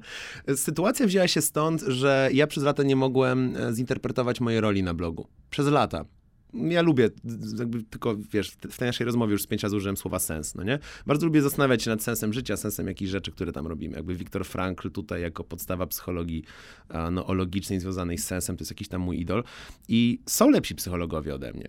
Są lepsi psychologowie biznesu ode mnie, no chociażby moi profesorowie ze ZWPS-u, którzy mnie uczyli. Są lepsi propagatorzy nauki ode mnie, nie wiem, Kasia Gandor, nie? Albo, albo Ola Stanisławska. I tak się zawsze zastanawiałem, jaką ja mam funkcję konkretnie. Ja nie lubię być w czymś drugi, nie lubię być częścią jakiejś dużej grupy, która robi dokładnie to samo, jestem siódmy na przykład. Cały czas miałem ten problem, o czym ja chcę tworzyć. I w pewnym momencie dostałem maila od jednej mojej czytelniczki, która podsumowała tak na stronę A4. O, Generalnie dostaję długie maile od czytelników. Zawsze mnie to cieszy, że poświęcają czas. W sensie to znaczy, To że... miłe, nie? Tak, że to nie jest, wiesz, tweet Andrzej, jesteś spoko, tylko ewidentnie ktoś usiadł, żeby mi coś powiedzieć. I ona właśnie dokładnie z jakiegoś powodu odpowiedziała na moje pytanie. Że ona się przez lata zastanawiała, czemu czyta mojego bloga. Ja tak, no słuchaj, no to jest nasz, tak sobie myślę, czytam tego maila, no to jest nas dwójka, nie? Jedziemy dalej z tym fajnym listem. I ona na końcu podsumowała, że nigdy w życiu nie spotkała treści, które tak bardzo by dodawały otuchy. I to jest coś, co mi zmieniło życie jako twórcy, bo ja sobie w tym momencie zreinterpretowałem moją funkcję. Ja faktycznie umiem to robić. Nie wiem czemu. Jak ja coś piszę, nawet jak to jest bardziej wiedzowe, mniej wiedzowe, whatever, ja faktycznie umiem jakoś doprowadzić do takiego wniosku, użyć takich słów i takiej puenty, że ja kiedy to piszę, się uspokajam. I widzę, że jak to publikuję, ludzie potem do mnie. Ludzie na to rezonują, ludzie odpowiadają mi, że faktycznie, jakby ten tekst może im nie obrócił w głowie jakoś Bóg wie jak, ale się uspokoili. A ja mam taką teorię, że w tym całym krzyku, który mamy w 2019 roku, społecznie, politycznie, w necie, jakby reklamy, Ugh, wszystko, no nie? Wydaje mi się, że nie wiem, tak sobie wymyśliłem przynajmniej prywatnie, lubię sobie myśleć, że to ma jakąś wartość, że mogę to robić. Faktycznie mogę pisać teksty, których gdzieś tam podstawową funkcją będzie, żeby na sekundę ukoić jakoś ludzi, którzy, którzy mają jakiś krzyk w głowie, nie? I odkąd sobie postanowiłem, że będę miał taką funkcję, mój blog zaczął lecieć super. Ale zacząłem czuć ogromną dysproporcję między blogiem a YouTube'em. I masa ludzi zwraca mi na to uwagę, że to są, jestem dwoma różnymi ludźmi. Na blogu jestem taki bardziej melancholijny, taki nostalgiczny, regularnie jakieś takie teksty mega filozoficzne wpycham. A na YouTube jestem taki, wiesz, snap, dzień dobry Państwu, nie? Andrzej Tucholski dzisiaj w Uniwersytecie Ogarnięcia będzie coś tam opowiadał na jakiś temat. I ja lubię to robić. To nie jest, ja nikogo nigdy nie udaję, bo trochę nie umiem, byłby najgorszym aktorem na świecie. To są różne wersje mnie. Jakby jak, ja na YouTubie jestem taki, jak jestem na imprezie ze znajomymi. Ja na imprezie ze znajomymi zawsze muszę opowiadać miliardy anegdot, oni potem we mnie rzucają przedmiotami, żebym przestał, ja się tym w ogóle nie przejmuję. Głównie dlatego tak tańcuję, jak opowiadam, żeby unikać tych przedmiotów i jeszcze im opowiedzieć jakiś suchar. Ale zacząłem się zastanawiać znowu, jaką ja mam funkcję na tym YouTubie, bo są, kan- znowu, ta sama dyskusja, jeszcze raz, w mojej głowie po wielu latach. I byłem teraz w Poznaniu na konferencji Influencer Live Poznań. I był gigantyczny panel z Krzysztofem Gonciarzem. Gigantyczny, w sensie tysiąc parę osób na auli. Y, Prowadził Maciek Budzich. I Maciek Budzich zastosował taką e, zasadę trzeciego fotela. To jest w ogóle super sprawa. Nie wiem, czy Maciek to wymyślił. Jeśli tak, to kudos, a jeśli to wprowadził, to i tak mega szacunek. Mianowicie siedzi sobie Krzysiek Gonciarz, siedzi sobie, Maciek Budzich, oni gadają. Jest trzeci fotel z mikrofonem i ktoś z widowni może podejść i usiąść i zadać pytanie. Ale musi podejść i usiąść. Nie ma takich pytań. Stajesz się częścią panelu. z Tak, tyłu, że stajesz ja- się częścią panelu jakby to jest ogromny szacunek do tej osoby. Dosiadasz jesteś na zdjęciu. Jak zadajesz pytanie, jesteś członkiem trzyosobowego panelu, który współtworzysz. Wspaniałe takie oddanie władzy, wiesz, i odpowiedzialności, nie? No ale mniejsza. Trwa ten panel, gadają, ja sobie siedzę w ogóle z moją montażystką, z którą się przyjaźnimy.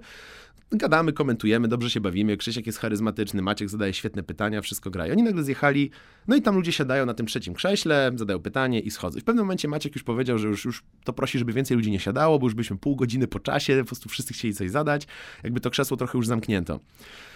I siedzę i nagle weszli na temat tego, że Krzysztof Gonciarz czasem w swoich filmach opowiada o swoich słabościach. Że miał gorszy dzień, że jest mu smutno. Wrzucił taki jeden kiedyś dosyć kontrowersyjny film, w którym pokazał, że płacze i to wywołało gigantyczne kontrowersje. A, I sam nie, nie miałem bardzo długo opinii, co o tym sądzić. Ja prywatnie, fajne. Ja jako psycholog, trochę szkodliwe. No nie, jakby dużo tutaj jest bardzo zmiennych. Nie, nie, nie miałem jakby jednoznacznej opinii. I oni sobie gadają. I nie pamiętam, czy to Maciek Budzik, czy Krzysiek Gonciarz użył takich słów, że, że pewnie jakiś psycholog, mój ulubiony żart, pewnie psycholog miałby coś do powiedzenia, ale że ciężko stwierdzić, czy to jest jednoznacznie dobre, czy złe. Ja w tym momencie bezwiednie zupełnie, serio, w sensie nie, nie panowałem nad tym, wstałem i zacząłem iść w ich stronę. Usłyszałem tylko od mojej montażystki, którą zostawiłem, ona tak wiesz, podniosła głowę z komórki i tak wiesz, o o.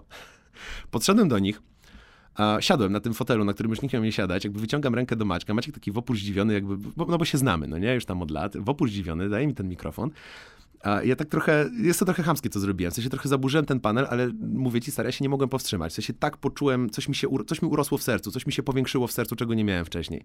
I powiedziałem na głos, przy tej całej auli, że ja jestem jedną nogą w takiej psychologii, o której oni mówią.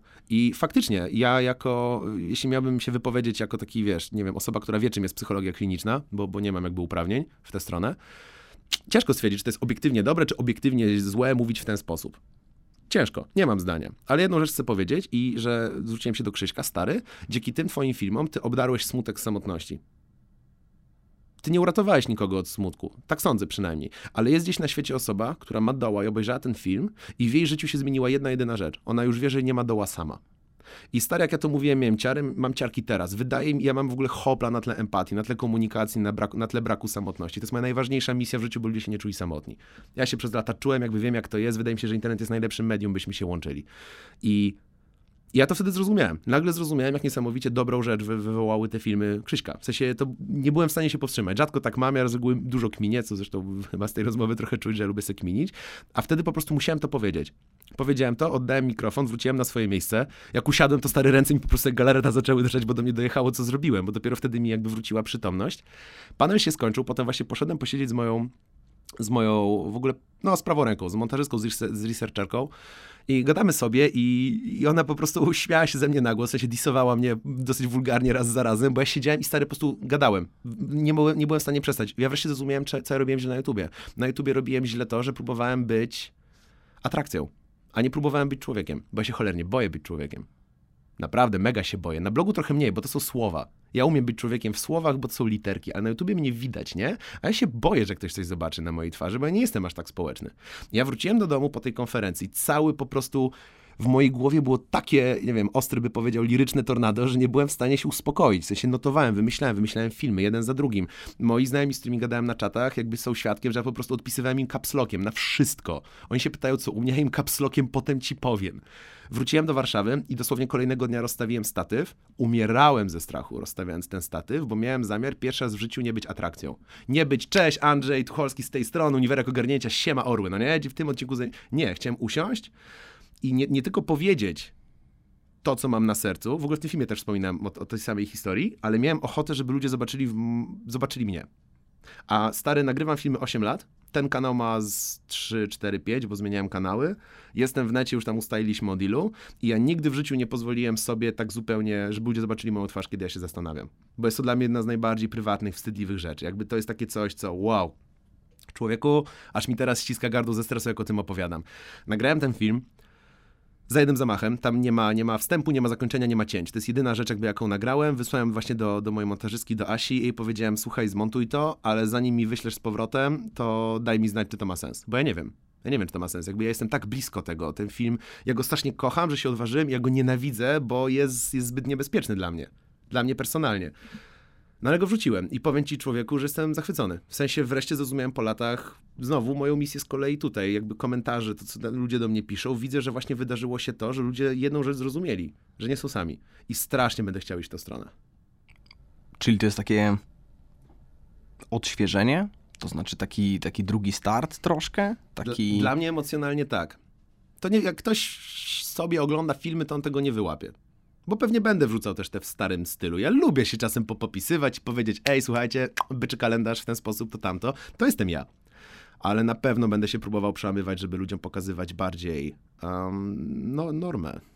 A jesteś już teraz w stanie, wiesz, nie tylko ze swoich doświadczeń, bo rozmawiamy tak naprawdę o, o jednym, zakładając przełomowym filmie, czy takim... No już, takim już jest drugi, takim, nagrany. Tak, a okej, to w takim razie czekamy. E, I, ale obserwując właśnie Krzyśka Gąciarza, innych Mhm. twórców, czy widzisz, że gdzieś jest taka... No bo jednak mam wrażenie, że gdzieś musi być granica. To znaczy, że wiesz, że na przykład był moment, gdzie było wszystko prezenterskie i było drodzy Państwo, dzisiaj podróżujemy, no nie? A tu jesteśmy gdzieś tam. Idziemy krok dalej i jesteśmy bardziej naturalni.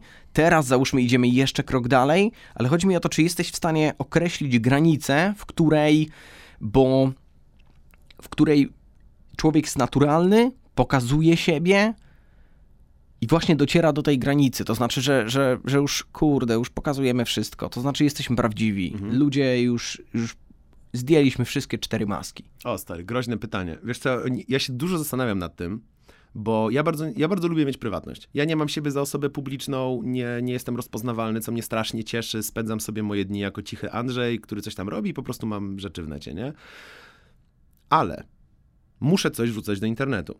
I się zastanawiałem, co. Bo jeśli bym wrzucał mało, tak żeby bardzo się ukrywać, jak blogerzy 10 lat temu, którzy była takie parcie na bycie anonimowym, trochę musiałbym dookoła siebie rozsnuć taki klimat mm, mysterious, nie? Taki tajemniczy Andrzej, ale nie umiem taki być. Jakby jestem gadatliwy, jestem głośny, skracam dystans. Wobec czego uznałem, że po prostu wybiorę jakieś elementy siebie, które będę publikował i one są mną, nie mówię, ja nie mam jakiejś tam persony, nie umiem mieć, ale w necie ciężko o mnie tak naprawdę cokolwiek wiedzieć. Stary, ja co chwilę coś wrzucam, a naprawdę ciężko o mnie cokolwiek wiedzieć, poza tym, że lubię kawę i sernik, studiowałem w Portugalii, że lubię filmy, nie?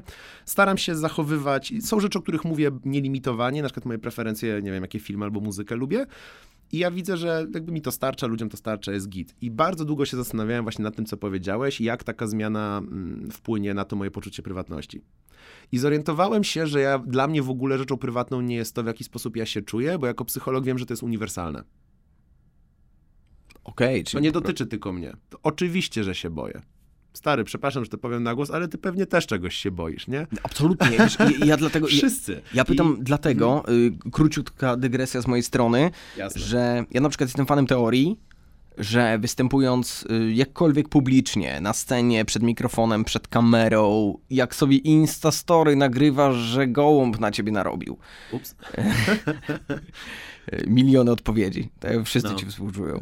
Y, To nie jesteś 100% sobą. Y, Ba, ja uważam, że bardzo dużo osób wychodząc z chaty albo będąc w chacie nie jest 100% sobą. Mhm. To znaczy, chodzi mi o to, że wiesz, my tu rozmawiamy o zdejmowaniu masek w internecie, Mhm.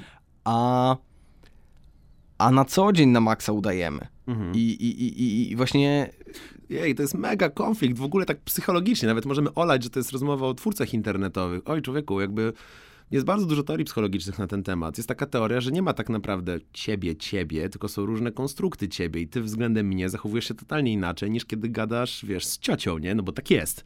I, i co, jakby, które z nas okłamujesz? No przyznaj się, mnie czy ciocię? wiesz, to są różne wersje ciebie i na przykład człowiek inaczej siedzi w domu, kiedy ma zły dzień, a inaczej, kiedy ma dobry dzień. To są... Mega jest ciężko powiedzieć, kim się jest, no nie?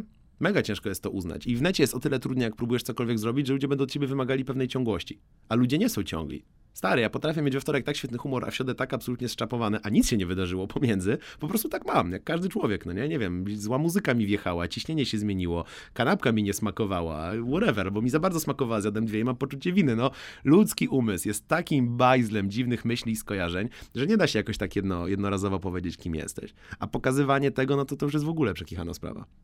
Niesamowite. To znaczy, myślę sobie w tym kontekście, że, że właśnie nie tylko internet, ale też codzienność, bo wiesz, troszkę co innego jest wiadomo, że y, przychodząc do pracy nie będziesz, y, nie, nie przyjdziesz raczej w dresie i się położysz w biurze i powiesz, ja taki jestem naturalny, więc proszę. Akceptujcie. Tak, akceptujcie. Chcecie Słuchaj, ze mną pracować? Podtrzymaj mi kawę, zaraz wracam. Nie, no wiesz o co chodzi, no nie? Jasne. Natomiast y, czasami jest coś takiego, że... Mm, a miewasz takie gierki z ludźmi, bo, bo, bo ja na przykład ostatnio się zorientowałem, że ym, w ludziach, z którymi współpracuję, wśród nich, wszystkich gorąco pozdrawiam, są takie mikro rzeczy, że na przykład ktoś czegoś nie włącza, jak wchodzi do studia. I ja dopiero kapnąłem się po jakimś czasie, że Marcin, denerwuje cię to codziennie. Ty weź mu powiedz. Mówisz? I kolej zaczyna to robić. Rękołodył, nie? Takie proste, a Magia trzy miesiące to rozkminiałeś. Magia komunikacji. I ja, o, Boziu, stary, jak- jakby... Moja siostra jest architektem, no nie? I ona jak sobie idzie chodnikiem, to już szlak trafia, jak widzi połowę budynków.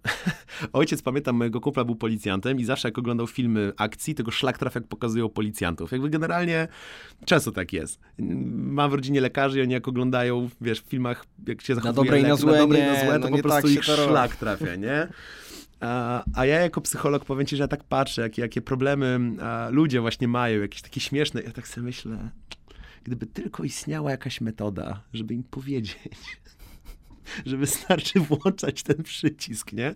To jest dokładnie to, co mówisz. Tak łatwo można rozwiązać ogrom problemów międzyludzkich, zwykłą, prostą komunikacją.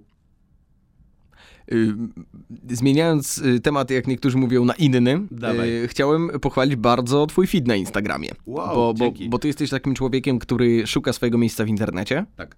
Jak je, wsiada jakiś format, to go robisz, przestaje siadać, to przestajesz go robić. Tak. I, I scrollując tam Instagram, wiesz, do tyłu, do tyłu, do tyłu, do tyłu, on, on miał swoje przygody, nie? Przeróżne. To jest bardzo spory E, eufemizm, Ale, dziękuję. ale teraz, y, z racji, że od jakiegoś czasu ja też się bardzo troszczę, widzę, widzę schematy i powiedz mi, y, jak bardzo cię to ogranicza? To znaczy, bo jakby jeżeli ktoś nie widział, to bardzo gorąco zapraszamy, żeby spojrzeć, bo, bo ty masz taki... ym, Zawsze, czekaj, co ja wyłapałem? Na pewno jest zdjęcie, na którym jest kartka z hasłem. Każdy poniedziałek mam fotkę Okej, czyli to jest nawet w dniach tygodnia. Stary, oczywiście, że tak. Ja mam w tygodniu dwie lub trzy premiery. Na pewno jeden tekst, jeden film. Czasami są dwa teksty i one idą w poniedziałki, być może czwartki rano i soboty i to musi współgrać ze wszystkim innym. Jakby, dude, to jest cały mechanizm. Dobra, czyli są dni tygodnia. Y, To, co wyłapałem w postach, czysto jak się przegląda, y, y, przegląda profil, to po pierwsze, y, właśnie kartka z hasłem jest na środku, jest cały czas na środku, ale nie wjeżdżają tylko zdjęcia ciebie, tylko raz na jakiś czas widoczek. Dokładnie. Wiesz co, ja robię trójkami. Jak wchodzisz na mojego Instagrama, Instagram nieważne na jak dużym ekranie go otworzysz, zawsze będzie miał trzy zdjęcia. Mhm. Jak otworzysz pełnego grida czyjegoś i u mnie co trzecie zdjęcie to jest kartka, co trzecie zdjęcie to widoczek, a co trzecie ja. I masz takie trzy kolumny pionowe dzięki temu. No to teraz wracając, No. jak bardzo cię to ogranicza? Mnie to wreszcie uwolniło. Ja strasznie lubię ograniczenia. Uwielbiam. Ja jestem człowiekiem, który pisze artykuły w taki sposób, że jakby o tym usłyszał ktokolwiek, kto mnie kiedykolwiek uczył pisać, to pewnie znowu by mnie zwyzywali, tak jak wtedy, kiedy mnie uczyli pisać. Ja piszę stare teksty tak, że ja na początku zakładam, jaką mają mieć długość. I mi to pomaga jak nic. Ja uwielbiam ograniczenia, tak samo mam z filmami. Uwielbiam sobie wymyślać takie sztuczne, nie, nie, niepotrzebne być może ograniczenia, bo ja dzięki temu zaczynam kreatywnie myśleć dookoła nich. Ja tak samo mam ze zdjęciami. Mój Instagram był przez długi czas, przez wiele miesięcy takim pobojowiskiem rzeczy, które mi przyjdą do głowy. Ja regularnie nie miałem pojęcia, co ja w sumie bym wrzucił, nie? Jakby nie, nie, nie umiałem zdefiniować tego. I wymyśliłem sobie, dobra, z czego się składa to, co ja robię? Z psychologii, ze mnie i z pierdół, które widzę. No jakby easy, nie? To są jakby rzeczy wizualne. Nie jestem jakiś, ty- nie jestem ładny na tyle, żeby mój feed był mną, jak w przypadku jakby, wiesz, innych twórców czasem się zdarza, więc musiałem w taki sposób opracować i wymyśliłem sobie, że co trzecia fotka jest moja, żeby ludzie mieli też kontakt jakby ze mną wizualny, bo regularnie tak było, że na przykład jak zapuściłem brodę, ludzie nie wiedzieli, kim jestem. I dostałem pytanie, kto to na jednym z moich zdjęć. Więc się bardzo zdziwiłem, więc stwierdziłem, że muszę chyba wrzucać więcej moich zdjęć, bo wizerunkowo jest ważne, by ludzie pamiętali, jak wyglądam. Wrzucam te kartki, bo to jest dla mnie najprostszy przekaz, żeby coś powiedzieć komuś i dać tam jakiś fajny myśl, coś, co im doda otuchy. A co trzecią fotkę wrzucam wherever. Byłem w Berlinie, teraz wrzucam Berlin, a jak będzie mi smakowała kawa, to wrzucę sobie kubek, no nie? I odkąd sobie wymyśliłem te ograniczenia, po prostu tak mi popłynęła fantazja, tak o wiele lepiej czuję, co chcę opowiedzieć, jakąś historię, jakieś żarty między fotkami sobie umieszczam. Nikt ich nigdy nie, nie zauważy, nie? Jakby sobie wyobrażam jakieś takie głupoty niszowe, ale mnie to rajcuje, mnie to bawi, więc lecę w to. Dobra, ale wracając, bo, bo ja myślałem, że pytam o Instagram, a okazało się, że to jest jakaś bardziej sroga taktyka. Stary, ja wszędzie mam srogie taktyki. Bo, bo to, co powiedziałeś o tworzeniu tekstów czy wideo, czyli ty No. sobie zakładasz na przykład, że okej, Andrzej, teraz napiszę o... Nie, czekaj, powiedziałeś, że w ogóle długość. Na Więc przykład. O, ja dużo rzeczy sobie ograniczam. 4000 znaków, start. No. I co, i dopiero jakby, dopiero potem rozkminiasz? A co jak na przykład, wiesz, kisiel w głowie popłynie dalej, muszę, o, jeszcze tu bym coś dopisał. Redaguję. Redaguję, by osiągnąć cel. Moja redaktorka do dziś e, opowiada to czasem na szkoleniach. Ja na blogu opublikowałem kiedyś serial fabularny w odcinkach. Napisałem powieść w odcinkach, siedmiu, czy tam ośmiu. Nazywa się Umowy Śmieciowe. Jest to dziewczyna, która przeprowadza się do Warszawy, żeby znaleźć pracę i pierwszego dnia ją wywalają z tej pracy. No i potem się dzieją typowe przygody słoika. I lub fajnie mi się to pisało, przy czym przygoda się rozpoczęła dosyć szczególnie, mianowicie od lat współpracuję z jedną fantastyczną redaktor, Kinga, jakby masz pozdrowienia. I e, moim pierwszym, jak powiedziałem Kindze, wiesz co, Kinga, słuchaj, siadam pisać serial w odcinkach. Na co ona mówi? Andrzej, wspaniale, nadajesz się do tego, wrzucaj to na bloga, zobaczymy, co się wydarzy. Ja mówię, no, no wiem, wiem, wiem, ale ile stron ma książka? Ile, ile to powinno mieć stron? Finalnie. I ona tak, co ty masz na myśli? No bo, no bo chcę, żeby to miało 7-8 odcinków, nie? I nie wiem, ile one mają mieć. No, to- no, to, no, no, to, no to pisz, jakby wyraź się. Wiem, ja się wyrażę. Ile to ma mieć stron? No celuj w 500. No to 500 na 8, git.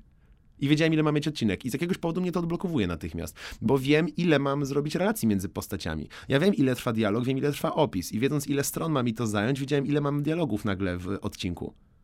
Dobra, czyli zakładasz, że, że jeżeli na przykład y, y, siadając tutaj powiedziałbym ci Andrzej, godzinka. Mhm.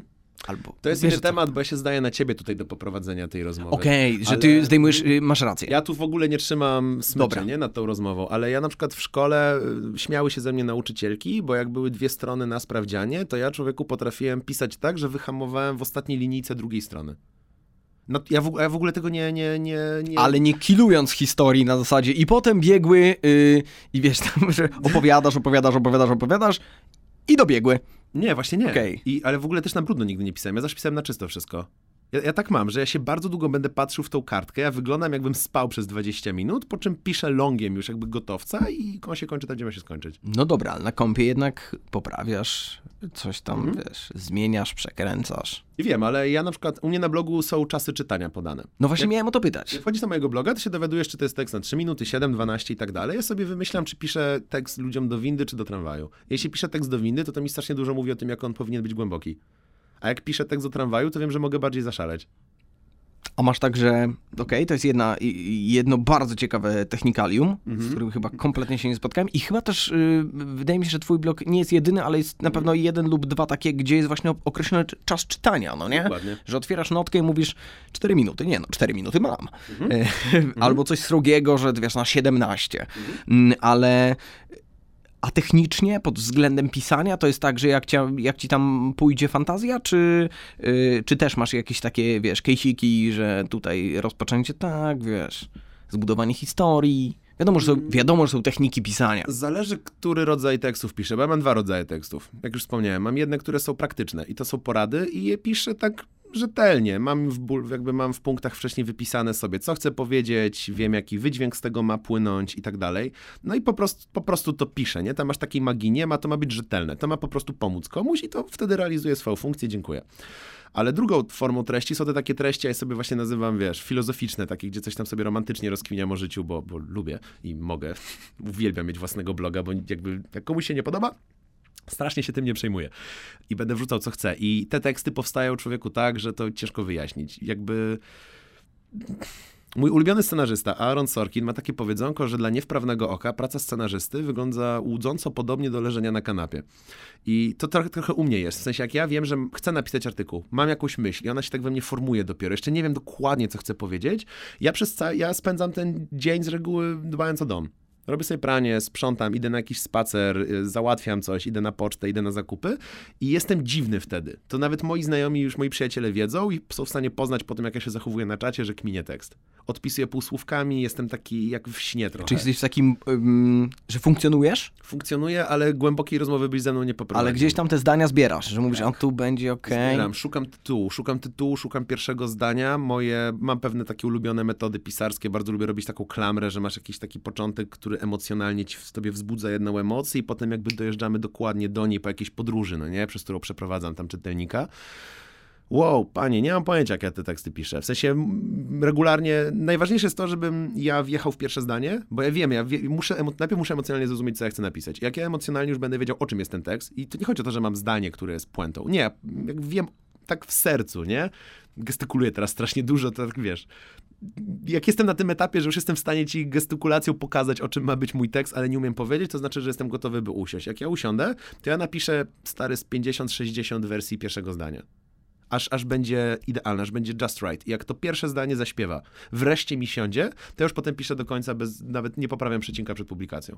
Dobra, a jak to się zestawia e, z dokładnie z zaplanowanymi datami publikacji? To znaczy, wiesz, opowiadasz teraz o momencie, kiedy pójdziesz sobie na spacer, wyrzucisz śmieci, tam to w głowie się zdanie sklei, siądziesz, napiszesz 20 wersji, w końcu klik i piszesz. A co jeżeli masz zaplanowaną, wiesz, publikację tekstu i na przykład, bo doskonale wiemy, że tak się dzieje, że drugi tydzień na przykład zdanie to pierwsze nie chce się napisać. Wiesz co, po pierwsze omijam publikację, co mi się regularnie zdarza. Nie wrzucam złej rzeczy na bloga. Wolę nie mieć, przeżyję to jakby rynkowo, ale ja mam w drugą stronę problem. Miałem 6 tygodni temu, z perspektywy dzisiejszego nagrania, miałem 6 tygodni temu taki dziwny dzień. W moim życiu się tam wydarzyło kilka spraw i taki, miałem dużo wniosków. Chodziłem bardzo dużo, zastanawiałem się nad tym, co mnie spotkało. I miałem napisać jeden artykuł. Dałem sobie dwa dni, miałem masę innych obowiązków, ale z grubsza w ciągu tych dwóch dni powinien powstać jeden tekst i ja w trzy dni napisałem dziewięć. Nie byłem w stanie przestać. Po prostu siadałem i czułem prąd w palcach, aż, aż mnie mrowiły ręce. Nie byłem w stanie przestać, aż nie wyrzuciłem z siebie tych tekstów i one teraz idą na bloga. Jeden jakby wróciłem do cyklu dwóch premier tygodniowo. W poniedziałki i środy idą te teksty napisane 6 tygodni temu. I powiem ci, że takich reakcji ludzi nie miałem od dawna. Podszedł do mnie właśnie w Poznaniu jeden mój kolega, który wiem, że jakby ja czytam jego, on czyta mnie, tak się znamy zawodowo od lat. I on do mnie podszedł, wyciągnął do mnie rękę milcząc, uścisnął mi tą rękę, znaczy ja uścisnąłem jego wyciągniętą rękę, on na mnie popatrzył i tak Andrzej, te twoje nowe teksty. I tak milczy, milczy, po czym dodał po paru minutach, no. I znowu mi uścisnął rękę i odszedł. I powiem ci, że to jest jakby najlepsza recenzja, że Ja poczułem się, poczułem się zadowolony z tego, co jaką pracę wykonałem. Jak ktoś nie wie, co czuje, ale czuje to bardzo mocno i... Bo ja nie chcę ludziom mówić, co mają czuć. Nienawidzę ludziom mówić, co mają robić, ale strasznie lubię być tą osobą, która takich trochę szturchnie i tak, dude, pomyśl, rozbudź się, rozejrzyj się dookoła. No więc to ja mam w drugą stronę problem. Mam już w ogóle w zeszłym tygodniu znowu napisałem trzy zamiast jednego. No dobra, czyli nie masz, czyli jakby w ogóle nie pojawia się sytuacja, w której ty masz za mało. Nie, to nigdy się jeszcze mi nie zdarzyło. To y, problem dobrobytu. Trochę tak, ja mam ogromną, ja mam ogromną e, klęskę urodzaju, jeśli chodzi o treści. Zawsze mam za dużo do poopowiadania, mam za dużo wniosków. Nauczyłem się, kie- kiedyś to wrzucałem wszystko w jakiejś tam formie, nauczyłem się to bardzo mm, teraz recenzować. W sensie zastanawiam się, co jest realnie ciekawe, a co mi się wydaje ciekawe. Wywalam tak z 10% tego, co napiszę. Regularnie napiszę cały tekst, patrzę na niego i tak nie, on nie jest, nie jest godzien uwagi. Jakby fajnie, że go napisałem, delete. Nie, nie przejmuję się nim zupełnie. Na YouTube'a czasem mam problem, że, że czegoś nie dograłem, ale to są kwestie już czysto techniczne, że po prostu nagrywanie trwa. Trwa dłużej niż pisanie. Okej, czyli po prostu nie jesteś w stanie gdzieś tam jakoś tego przenieść i, i inaczej. Dużo trudniej odpuścić. Oj, tak. Andrzej, jakby zastanawiałem się, w którym momencie rozmowy y, pojawi się, pojawi się ten temat. Dawaj. E, Nie wypłynął gdzieś w międzyczasie, więc muszę na siłę go przywołać. I to będzie trochę takie pytanie, mam wrażenie, z kategorii, że będzie memem, ale mam nadzieję, że poczujesz klimat mema. Dawaj. Uwaga, leci pytanie. Czy kawka to życie? Wiesz, że tak. Kawa is life. Kawa to tak, kawa is life w moim życiu. Nie wiem, kiedy ten głupi napój stał się... Znaczy, opowiadałem ci w kuchni przed chwilą, kiedy dokładnie. No, mogę też ludziom opowiedzieć. E, Studiowałem, ja w ogóle kiedyś moja ulubiona kawa polegała na tym, że trzeba było wlać dużo mleka, dużo cukru i dużo syropu, po czym nie wlać kawy. Byłem zachwycony, jak piję. taki- taki szajs. tak, tak. Po czym pojechałem na studia do Portugalii i wydarzyły się tam dwie rzeczy. I pierwsza rzecz się wydarzyła taka, że Portugalczycy piją kawę, gdzie jest więcej robusty. To jest inny rodzaj kawy niż arabika, ona jest bardziej gorzka i kocham ją do dziś, to jest mój ulubiony rodzaj kawy, trochę nie lubię arabiki. A druga sprawa jest taka, że mieszkałem nad kawiarnią, gdzie był taki starszy pan, który po prostu trzaskał tą kawę i podpatrywałem go i jakby tam jakoś się pokolegowaliśmy emocjonalnie nad tą kawą i jakby ta kawa zaczęła istnieć w moim życiu. I kawa dzisiaj w moim życiu jest takim... A takim symbolem. W sensie ja mam taki tekst nawet na blogu, który się nazywa Kawa i mogę wszystko, że nieważne jak jest źle, ja zawsze jak sobie zrobię kawę, daję sobie 3 minuty spokoju. Mam od niedawna chatę z balkonem, więc jeszcze wzmacniam działanie kofeiny faktem, że wychodzę na balkon, odsuwam się od komputera i sobie patrzę, wiesz, w przestrzeń. Mam dosyć fajny widok. W w mojej opinii jest bardzo ważne mieć takie symbole w swoim życiu. Ja nie naciskam na kawę, nie? Jakby ja tak mam, że ja ją strasznie kocham, ale trzeba mieć takie symbole, jak trochę w Incepcji, ten kręcący się taki bączek głównego bohatera. Trzeba mieć takie rzeczy, takie nawyki, które cię jakoś tak stabilizują. Okej, czyli bo nie palisz papierosów, czy palisz? Nie, nie palę. Okej, ludzie, którzy wychodzą na papierosa, ja wielokrotnie próbowałem z nimi dyskutować, znaczy z nimi, jakby to jakaś, wiesz, grupa, nie? Y, Ale często pytam... Stoją, mówią w obcym języku. Nie, bo wiesz o co chodzi. Wielokrotnie to to zw- zwłaszcza zwracałem na to uwagę wchodząc do jakichś nowych grup czy e, nowych firm, no nieważne, że, że jest taki moment, poznajecie się tam, trzy dni współpracujecie, jest taki, dobra, to chodźmy na papierosa, no nie? I, I wychodzi siedem osób, ja zostaję sam albo tam jeszcze druga osoba. Mówię, kurde, kurde, no też idę na tego papierosa. Pomimo, że nie palę i wielokrotnie robiłem tak, do tej pory tak robię, że wychodzę na papierosa nie paląc papierosa i chodzi mi o to, że no, starałem się uzyskać odpowiedź, co on de facto daje Tak.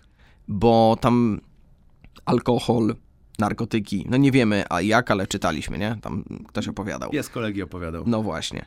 E, dziękuję. dziękuję. E, ale y, to, co udało mi się wyłapać, to to, że ten papieros daje takie, takie trzy minuty oderwania. Jesteś tylko ty. Mhm. Masz taką bańkę. Ja mam tak z kawą. Jak ja piję te pierwsze trzy łyki kawy, bo potem oczywiście o niej zapomnę i będę pił chłodną, nie jakby story of my life. Ale te pierwsze trzy łyki to jest taka bańka, jestem tylko ja. Mój telefon nie dzwoni, nie mam innych myśli. Ja, ja kumam, ja kumam taki rodzaj uzależnienia od jakiegoś symbolu.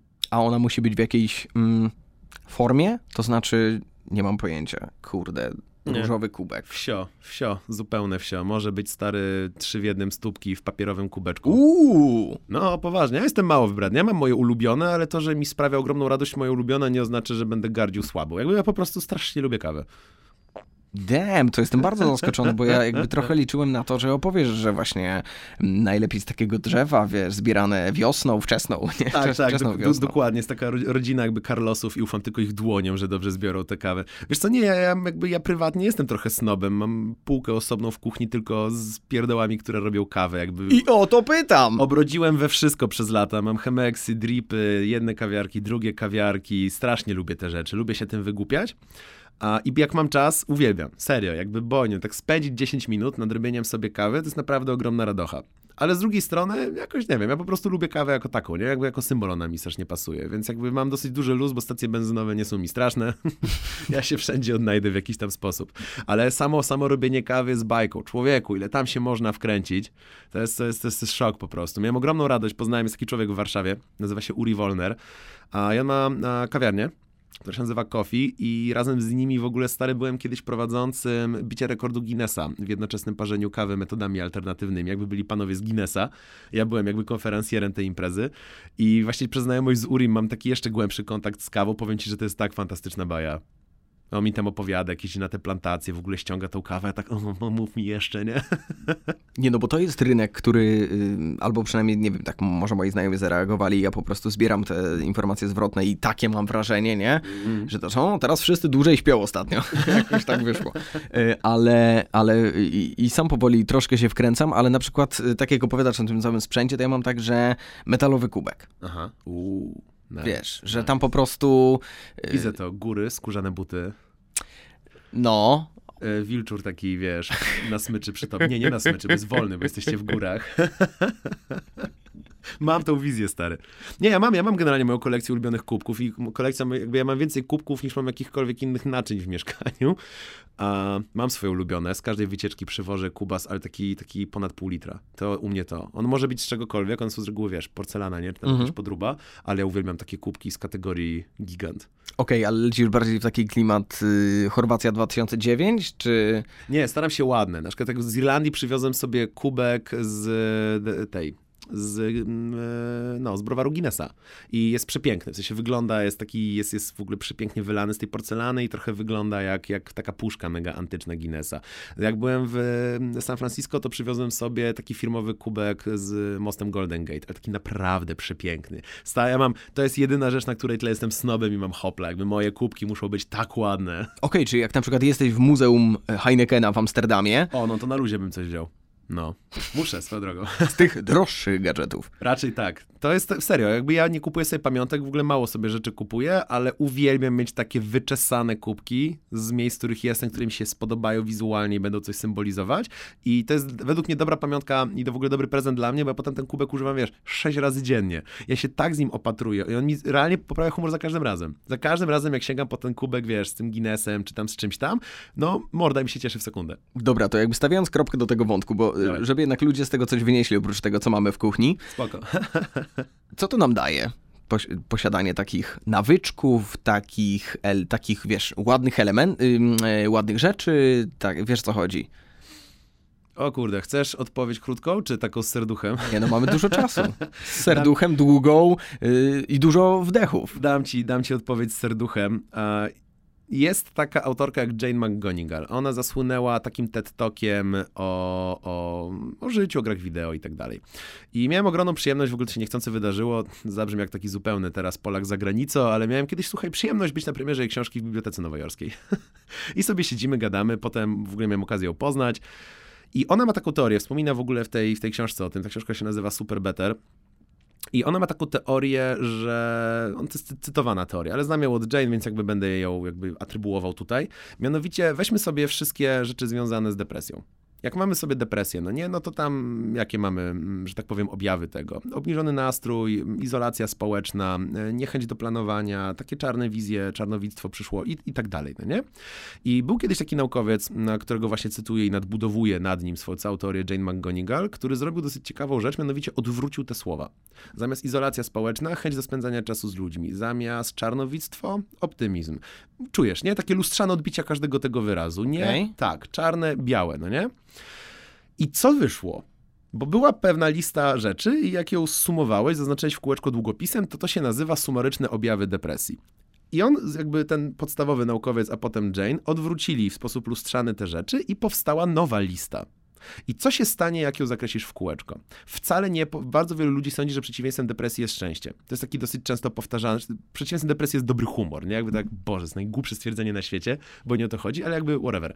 To, co wychodzi, stary, to nie jest definicja dobrego humoru. To, co wychodzi, to jest definicja zabawy.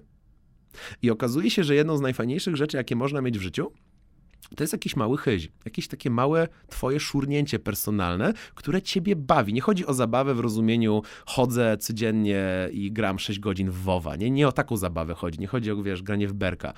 Co drogą, też taki marginesowy temat. Strasznie żałuję, że jak jesteś dorosły, to nie możesz pograć w dwa ognie. W sensie strasznie by chciał znaleźć ekipę do pogrania w dwa ognie jako dorośli ludzie. Tak, myślę, że totalnie możesz, ale z ekipą już jest ciężej, nie? Albo jak piszesz do znajomych, albo mówisz im to, to tak dziwnie się patrzą. Mówisz, no serio, w dwa ognie? No, ale czujesz, że wyobraź sobie, taki dobry grill u znajomych na dużym terenie, no nie, jakiś taki sobie wyobrażam domek i kurde ogłaszasz, że nas zasuwacie w berka teraz. Stary. Ja obstawiam 90% totalnie zajaranych osób. Świetny pomysł. Trzeba mieć przestrzeń do tego. Tak, muszę to rzucić kiedyś. Właśnie przypomniałeś, że miałem taką myśl. W każdym razie e, chodzi o inny rodzaj zabawy. Chodzi o rzeczy, które sprawiają tobie przyjemność, jak o nich kminisz. I to może być cokolwiek. I ja strasznie lubię, jak ludzie mają takie małe zwały. Ja na przykład swoje książki układam kolorystycznie. I to nie ma żadnego sensu. W sensie, gdybym miał niekolorystycznie, pewnie nic by mi się nie stało. Sądzę, że przeżyję. Ale jak je mam, to jak na nie patrzę, to się uśmiecham. Lubię mieć moje kubki. Jak robię kawę, lubię robić długo. Może ktoś lubi robić kanapki długo. Mam kumpla, który zawsze zanim zacznie pracować, musi sobie poukładać wszystko na biurku, tak wiesz, ale tak do przesady wręcz. Strasznie lubię, mega cenię, gdy ludzie mają te takie małe chyzie, takie małe, zdroworozsądkowe, zabawowe podejście do jakichś pierdów, szczególnie jak to nikogo nie krzywdzi, bo to naprawdę ci zwiększa wartość życia. Jest w mojej opinii szalenie ważne skupianie się na takich pierdołach. I jak ty lubisz swój metalowy kubek, jest hiper ważne, żebyś tego nie zatracił, bo to jest głupota, ona cię kosztuje zero, a ona ci poprawia o ten jeden punkcik humor. A kurde, człowieku, przy czasach, które mamy, jeden punkt dobrego humoru to jest tak bezcenna waluta, że chycho.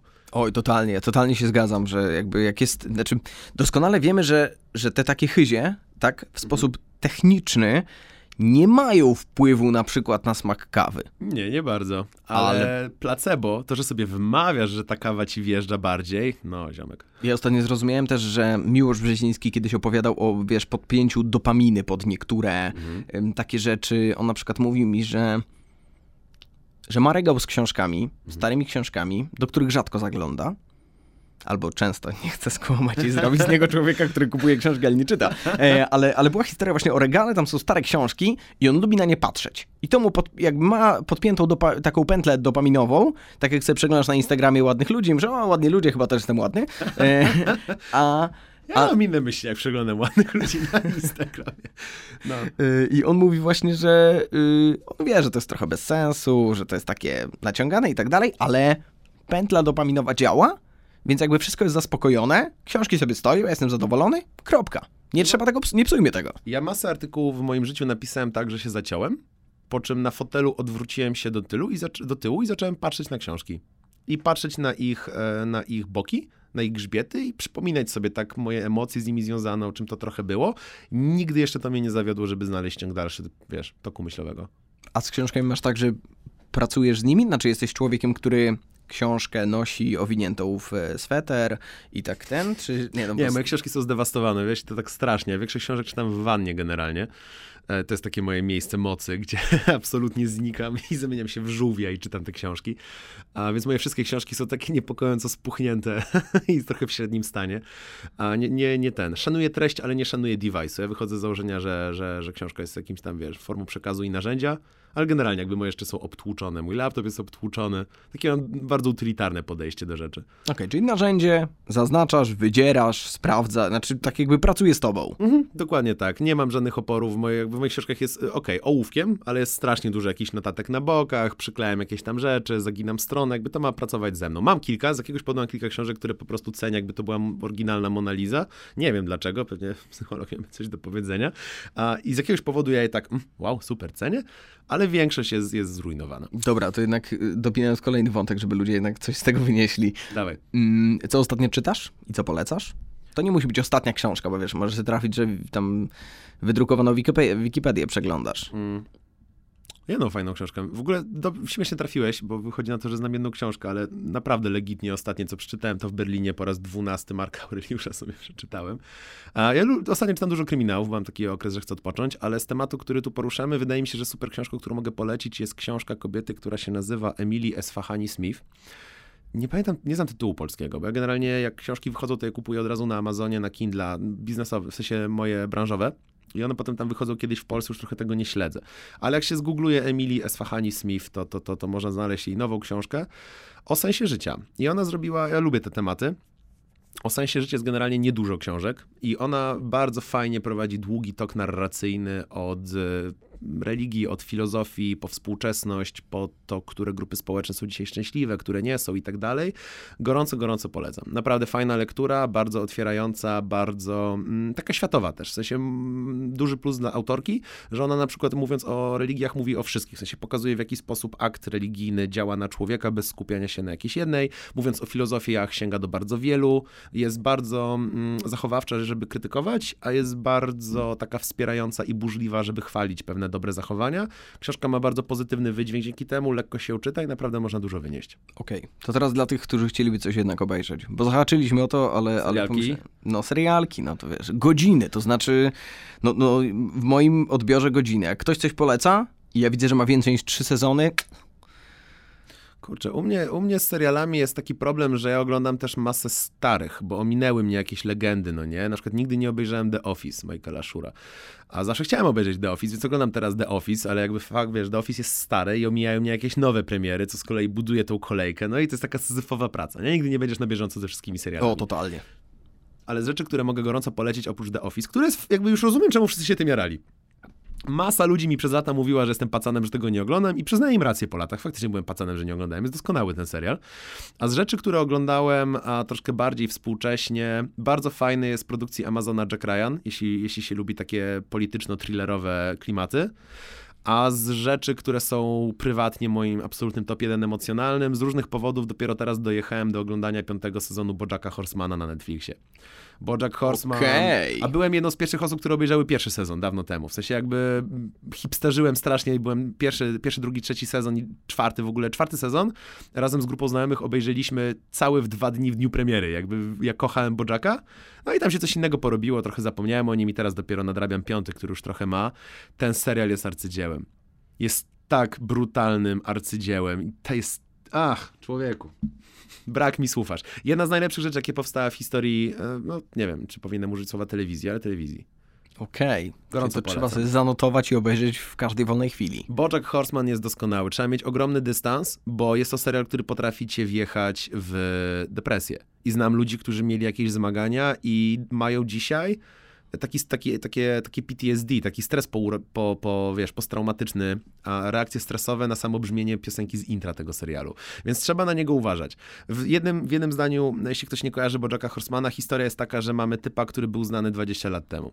I to jest aktor, który jest koniem, jakby, no ale to trzeba zobaczyć estetykę serialu, serial animowany dla ludzi bardzo dorosłych i no i on jest trudnym człowiekiem, nie? I jakby próbuje coś ze sobą zrobić, ma, ma, ma jakieś tam problemy związane z faktem, że, że jego życie nie ma sensu, mój ulubiony konik, um, ale serial wygrywa czymś innym. Bardzo dużo seriali ma taką strukturę, że bohaterowie się, jest początek odcinka, jest jakiś konflikt i wszyscy się z czymś zmagają, no nie? I my jesteśmy przyzwyczajeni w serialach, że na końcu jednak dojdą do jakiejś konkluzji i jakaś bohaterka złapie bohatera za rękę, tam w tle jest ostatnie wezwanie na lotnisku, że on już musi zdążyć na swój lot, no nie? I ona się go pyta, John, ale może jednak zostaniesz, nie?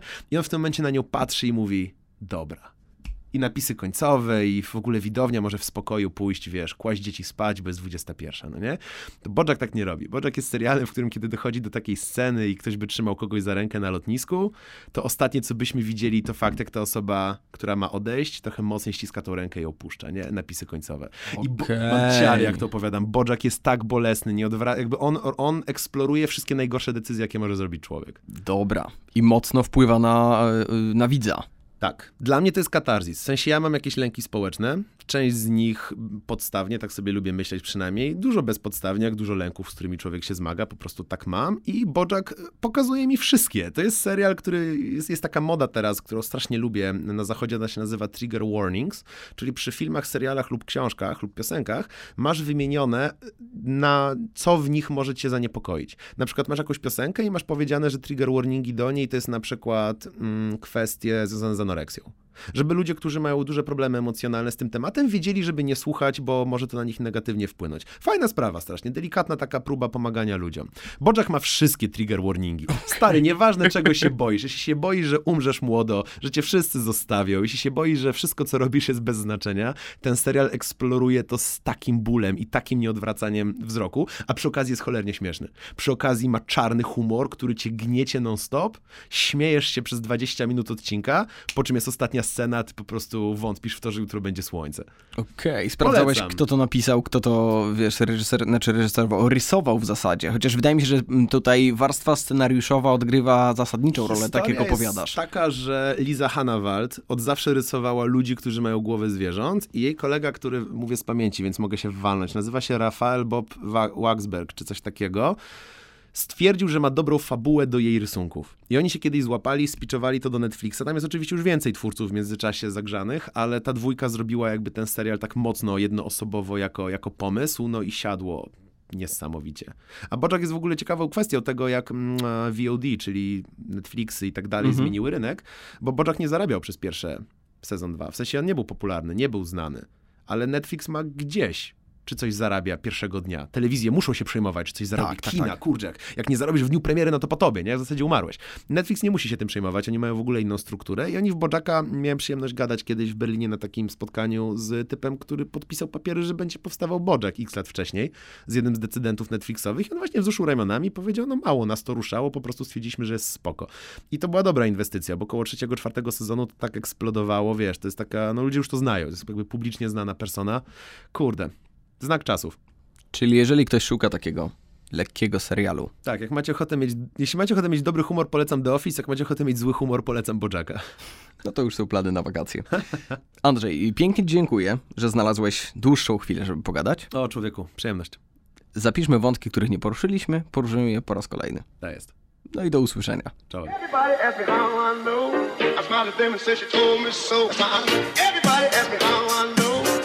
Told me so. Everybody, everybody.